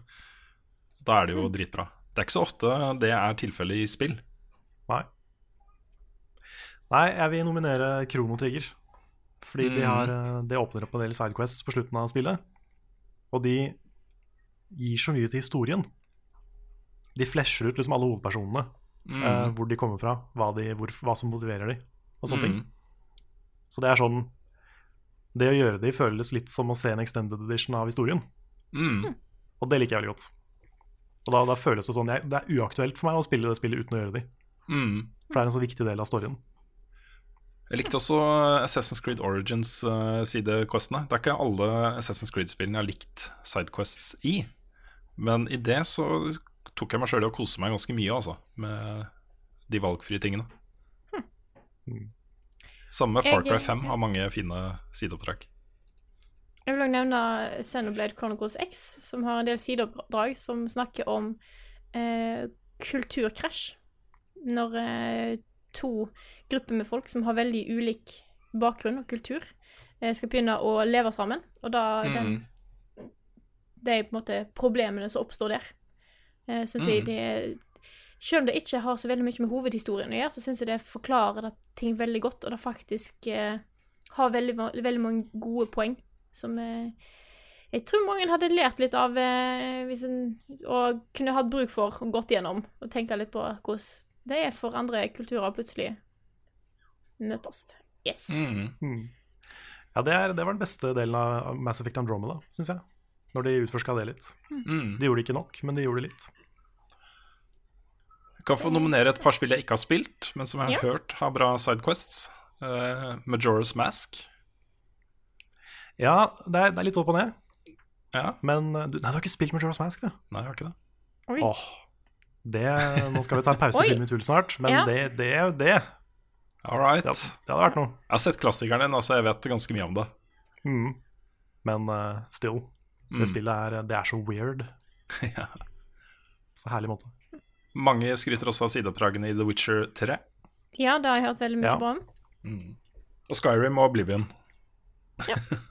Må også gi en liten shout-out til eh, Chocobo Hot and Cold i eh, Final Fantasy 9, Mm. som er sånn der uh, skattejakt-minigame. Det er kos. Mm. Vi tar eh, neste spørsmål her, som et jeg har fått tilsendt eh, fra Kevin Aasen. Han i midten på sofaen. Han i midten på sofaen. Han i midten, ja. Eh, han har et spørsmål her. Eh, skriver Hvis dere skulle bodd sammen med tre andre spillkarakterer, hvem ville dere bodd sammen med, og hvorfor? Nei, det klarer jeg ikke å svare på nå. Nei, det, Der skulle jeg forberedt meg, kjenner jeg. Jeg også. Jeg, jeg hadde glemt litt ut av jeg får det tilsendt, for jeg fikk det tilsendt på melding. Ah, ja, Så ok. eh, vi kan nok spare det til neste gang. Kan spare det, prøve å huske å ha det som Mm. hjemmelekse. Ja, ja. Men det er i hvert fall, i hvert fall sans fra Undertale, vil jeg bo Ja. med. Plutselig så har dere tre allikevel. Ja. Kombinasjon av eh, Sans og Papyrus, kanskje. Mm. Det, det tror jeg. Ja. Jeg må tenke litt. Ja, tenker litt. Um, ja. Hadde dere flere spørsmål på lista, eller var det bare det dere hadde funnet fram? Ja, det var egentlig bare det. Jeg har noe mer som jeg kan svare litt eh, kjapt eh, på. Ja. Eh, Et fra Chris Haugland som lurer på om vi fremdeles tar imot gjesteinnslag, f.eks. en klassiker fra seere, og det gjør vi. Ja, ja. Det er bare å Eh. Kan ikke garantere noe. Vi har litt sånn kvalitetskrav på det. Um, men hvis, uh, hvis du lager noe og sender det, så skal vi i hvert fall gi en tilbakemelding. Jepp. Absolutt. Uh, skal vi se. Eh, og et fra Oda Stinterud Berg som lurer på om vi skal anmelde Ghost of a Tale. Og det har jeg snakka en del om. Det har jeg lagt litt fra meg. Jeg må innrømme at også min entusiasme for spillet dalte litt jo lenger ute jeg kom i det. Så eh, det var ikke fullt så givende som jeg trodde det skulle være utover. Men eh, det kan hende det hadde snudd igjen, da. Men jeg måtte bare legge det bort til fordel for andre ting. Så men kanskje jeg plukker det opp igjen. Vi har også et spørsmål her fra Sondre Kjøntveit, som spør om dersom vi skulle hatt hva som helst crossoverspill uten begrensninger, hva ville dere tatt? Jeg ville um, Jeg har jo på en måte allerede Kingdom Hearts. Det er et ganske svært crossover-spill. Men uh, et Final Fantasy fighting-spill som ikke er Decidia, som er Smash Bros, Ja. det ville jeg hatt. Mm. Eller et skikkelig bra Avenger-spill, hvor du har med alle figurene, og de har sin playstil. Ja, det også hadde vært noe. Mm. Så ja. Ja. Jeg skulle, likt å, jeg skulle likt å se et, eh, et klassisk eh, tredjepersons eh, action adventure-spill lagt til um, en verden som Skyrim eller uh, Breath of the Wild, Mm. hvor eh, ja, fokus på liksom Ja, det blir jo for så vidt Selda, men enda mer hardcore action, da. Uh, kanskje. Jeg skulle ønske at det fantes en kortere og enklere på måte, versjon av World of Warcraft. Fordi at der er det veldig, veldig veldig mye cool law som jeg føler blir på en måte for mye å ta tak i. Du må liksom spille inn alt. Så hvis jeg hadde lagd det på en mer sånn, first, nei, sånn singleplayer story-opplegg, så kunne det blitt litt kult. Sånn som du har gjort med Secret World. Bortsett fra at det er jo hva er det, 100 timer med story. Ja. Eller noe sånt. Ja eh, Jeg har Vi kan ta et spørsmål til her fra Tord Tveit, som skriver Hva tenker dere om Cambridge Analytica-skandalen og den bredere diskusjonen rundt personvern i sosiale medier? Kommer dere til å endre eh, på noen vaner, f.eks. bruke mindre tid på sosiale medier, eller kommer dere til å fortsette som før og heller avvente eventuelle endringer de selskapene gjør? Det er jo en veldig stor sak akkurat nå. Jeg satt faktisk og så litt direkte på da eh, Zuckerberg var og eh, ble kjefta på av senatet i USA.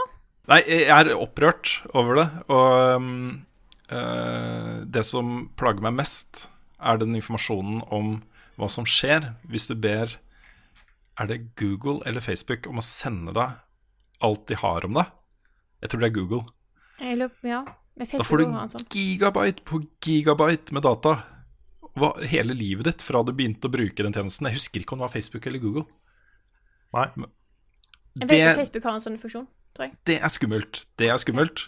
Så det jeg venter på, og det jeg håper på, og det jeg tror kommer til å skje, er at øhm, de gir deg muligheten til å slette all dataen de har om deg. Uh, og så gå inn og så skru på nye um, uh, tillatelser for hva Ja. de får lov til å lagre av informasjon. Jeg har allerede gått inn og haka bort en del ting som jeg så var, eh, var haka på. Mm. Men det er vanskelig også, fordi det er mange av de tingene, f.eks. det å eh, tillate at tredjepartsapper deler informasjon om deg med vennene dine. Da er det plutselig en del ting som, eh, som eh, gjør at du ikke blir tilgjengelig på den samme måten i sosiale medier. Ja. Så eh, jeg syns ikke det der er så lett. Er Nei, sant. Jeg bruker nesten bare Facebook til eh, på en måte arrangementsplanlegging. Mm. Eh, og snakke, eller bruke Messenger som på en, måte, en samtaleplattform. Og i level up-sammenheng. Mm. Mye for jeg, når jeg, Hvis jeg er på Facebook, så ser jeg, åpner jeg Facebook, og så blar jeg litt gjennom og ser at det er fortsatt ingenting her. Eh, og så går jeg på Level Up Community og ser om det skjer noe nytt. Mm. Sjekker Facebook-profilen til Level Up, sjekker sånne ting, da. Ellers så bruker jeg veldig lite Facebook. Mm. Det, Ja. Jeg deler veldig lite sånn der 'Nå er jeg der', tagger meg på en eller annen restaurant en eller annen plass, liksom. Veldig litt sånn stedsinformasjon jeg legger ut. Veldig lite bilder generelt.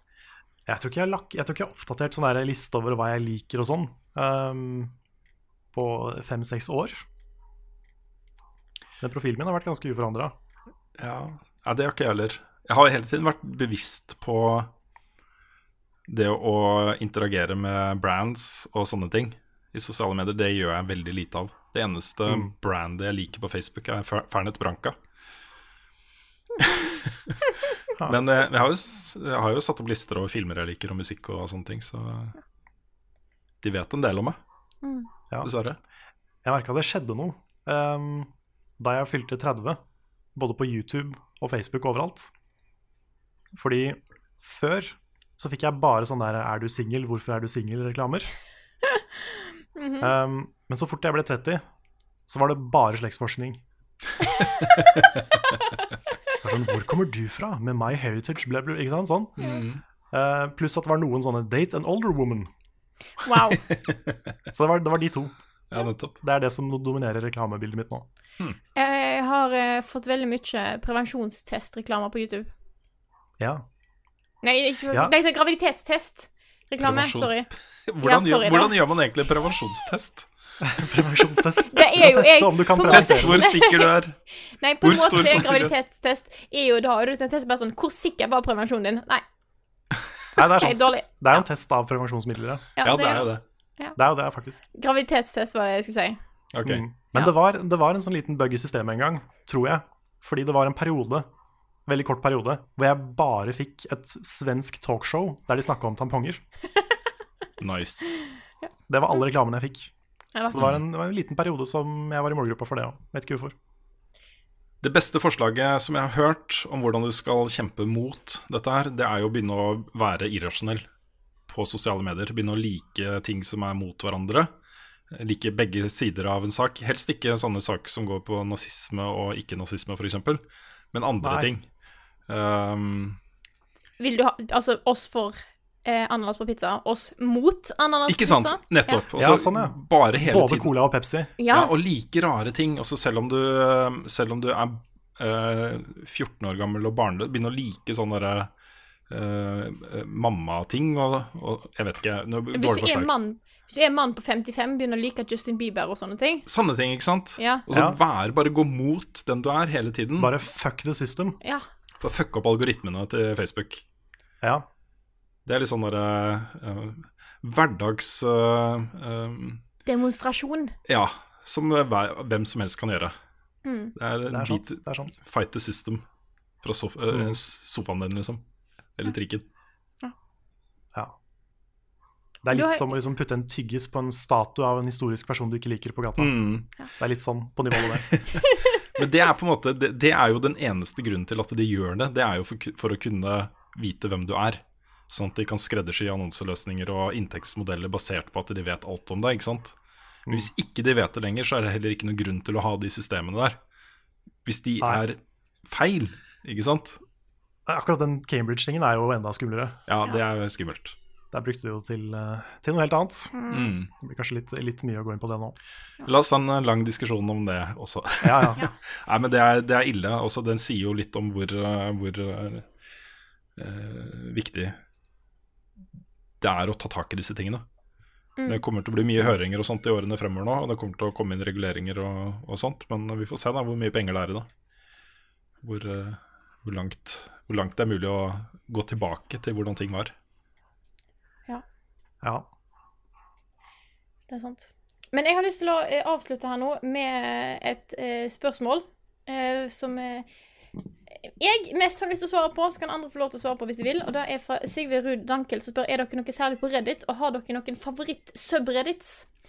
Og nå, jeg, nå har jeg tatt fram Jeg har prøvd å bla litt gjennom hva er det jeg har her av eh, eh, subreddits som jeg er glad i. Og jeg har en del.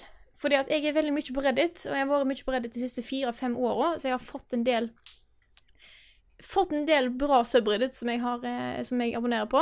Er jo, til- det er veldig mange bra subreddits for spill, vil jeg bare si. Der kommer det mye fanart og sånne ting, så da eh, anbefaler jeg. Men av de som er litt mer sånn gjemt, som jeg er glad i, så har vi eh, Jeg vil begynne med r slash Poland ball.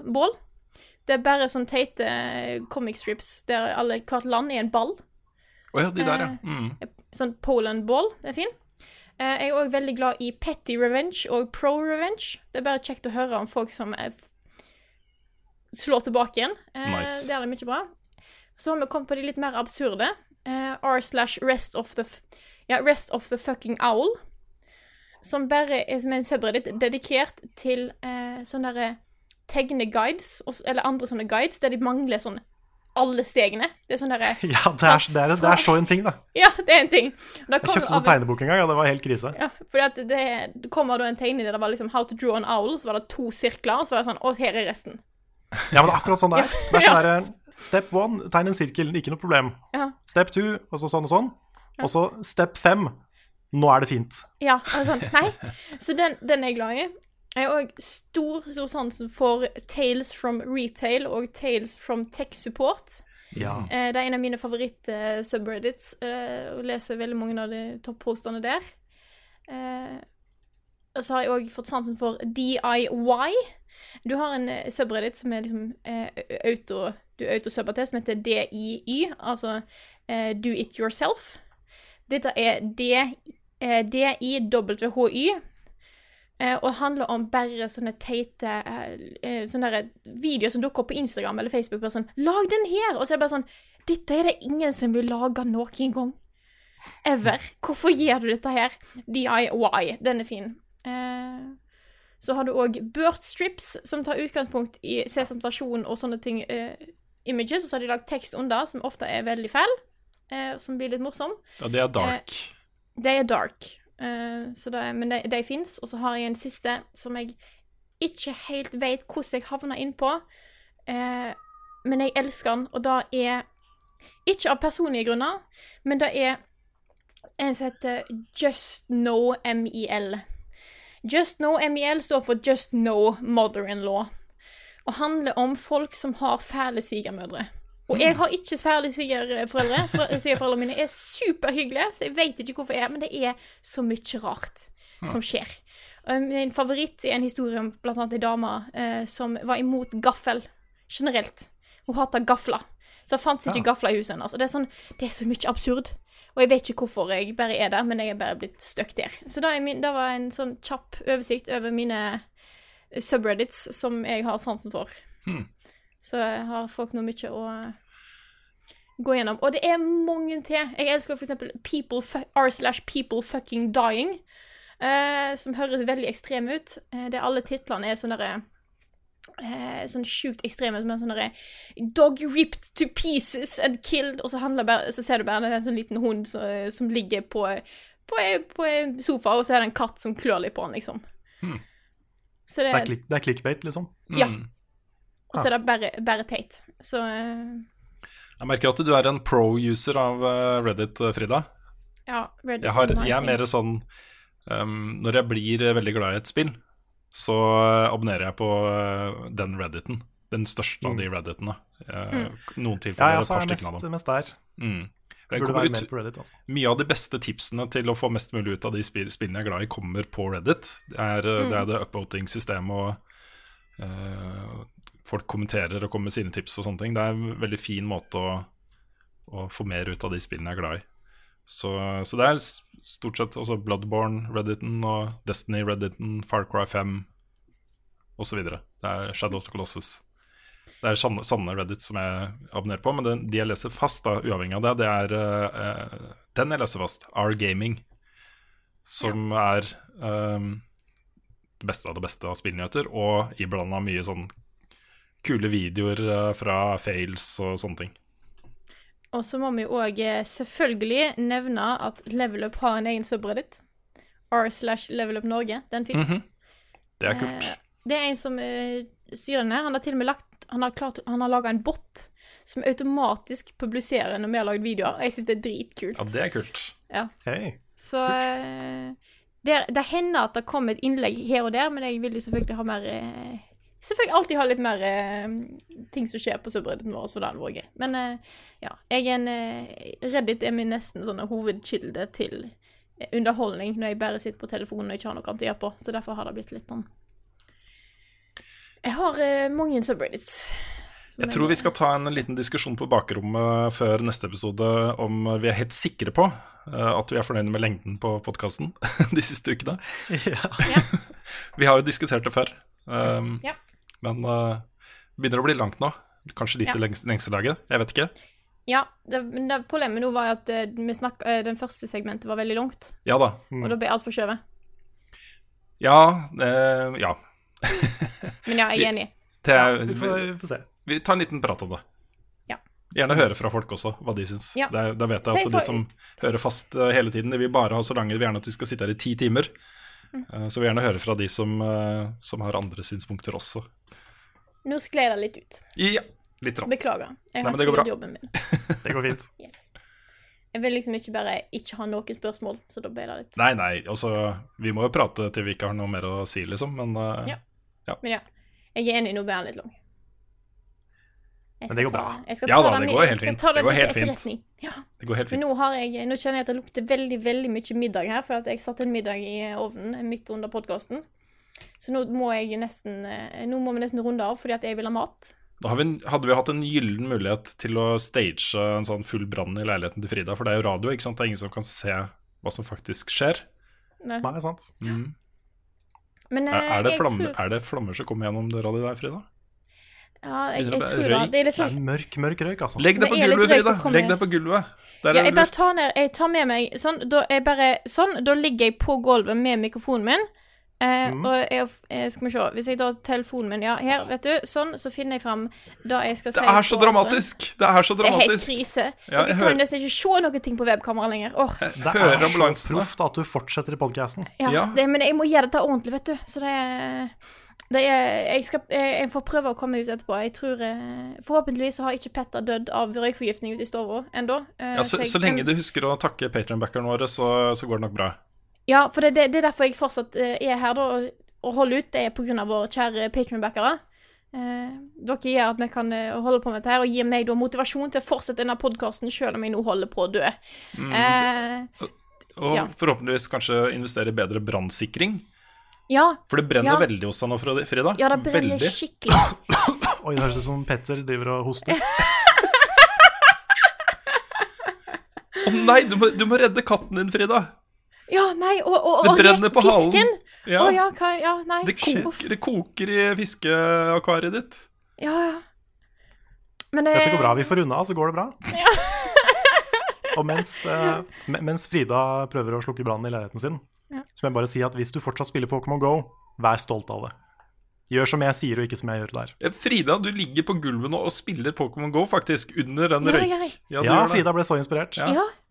Jeg må faktisk si at det å spille Pokémon GO i et røykfylt rom funker veldig bra. Mm. Eh, det er litt vanskelig akkurat nå å bevege seg. Det er dessverre ikke en Pokémon akkurat her jeg er, men borti veien så er det en, så jeg får bare ta og eh, Jeg får komme meg ut av denne leiligheten her eh, og fange den Pokémonen, men jeg får vel først bare si eh, Takk for, eh, takk for oss. Takk for at du har hørt på denne episoden her av Level Backup. Og så snakkes vi igjen neste uke, da jeg fortsatt eh, Da er vi forhåpentligvis en leilighet med ikke som, som ikke er fullstendig overtent og fyr. Det, Håper ikke du brenner brenner opp også, Frida.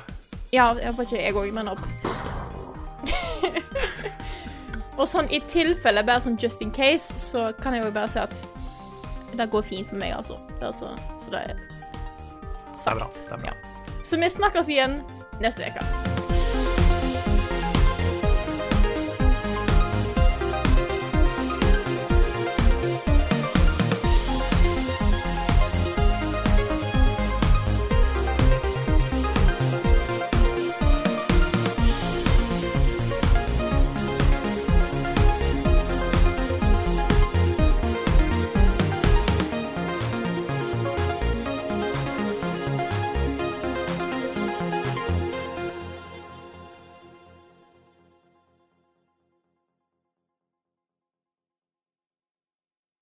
Har du et enkeltpersonforetak eller en liten bedrift? Da er du sikkert lei av å høre meg snakke om hvor enkelt det er med kvitteringer og bilag i fiken, så vi eh, gir oss her, vi. Fordi vi liker enkelt. Fiken superenkelt regnskap.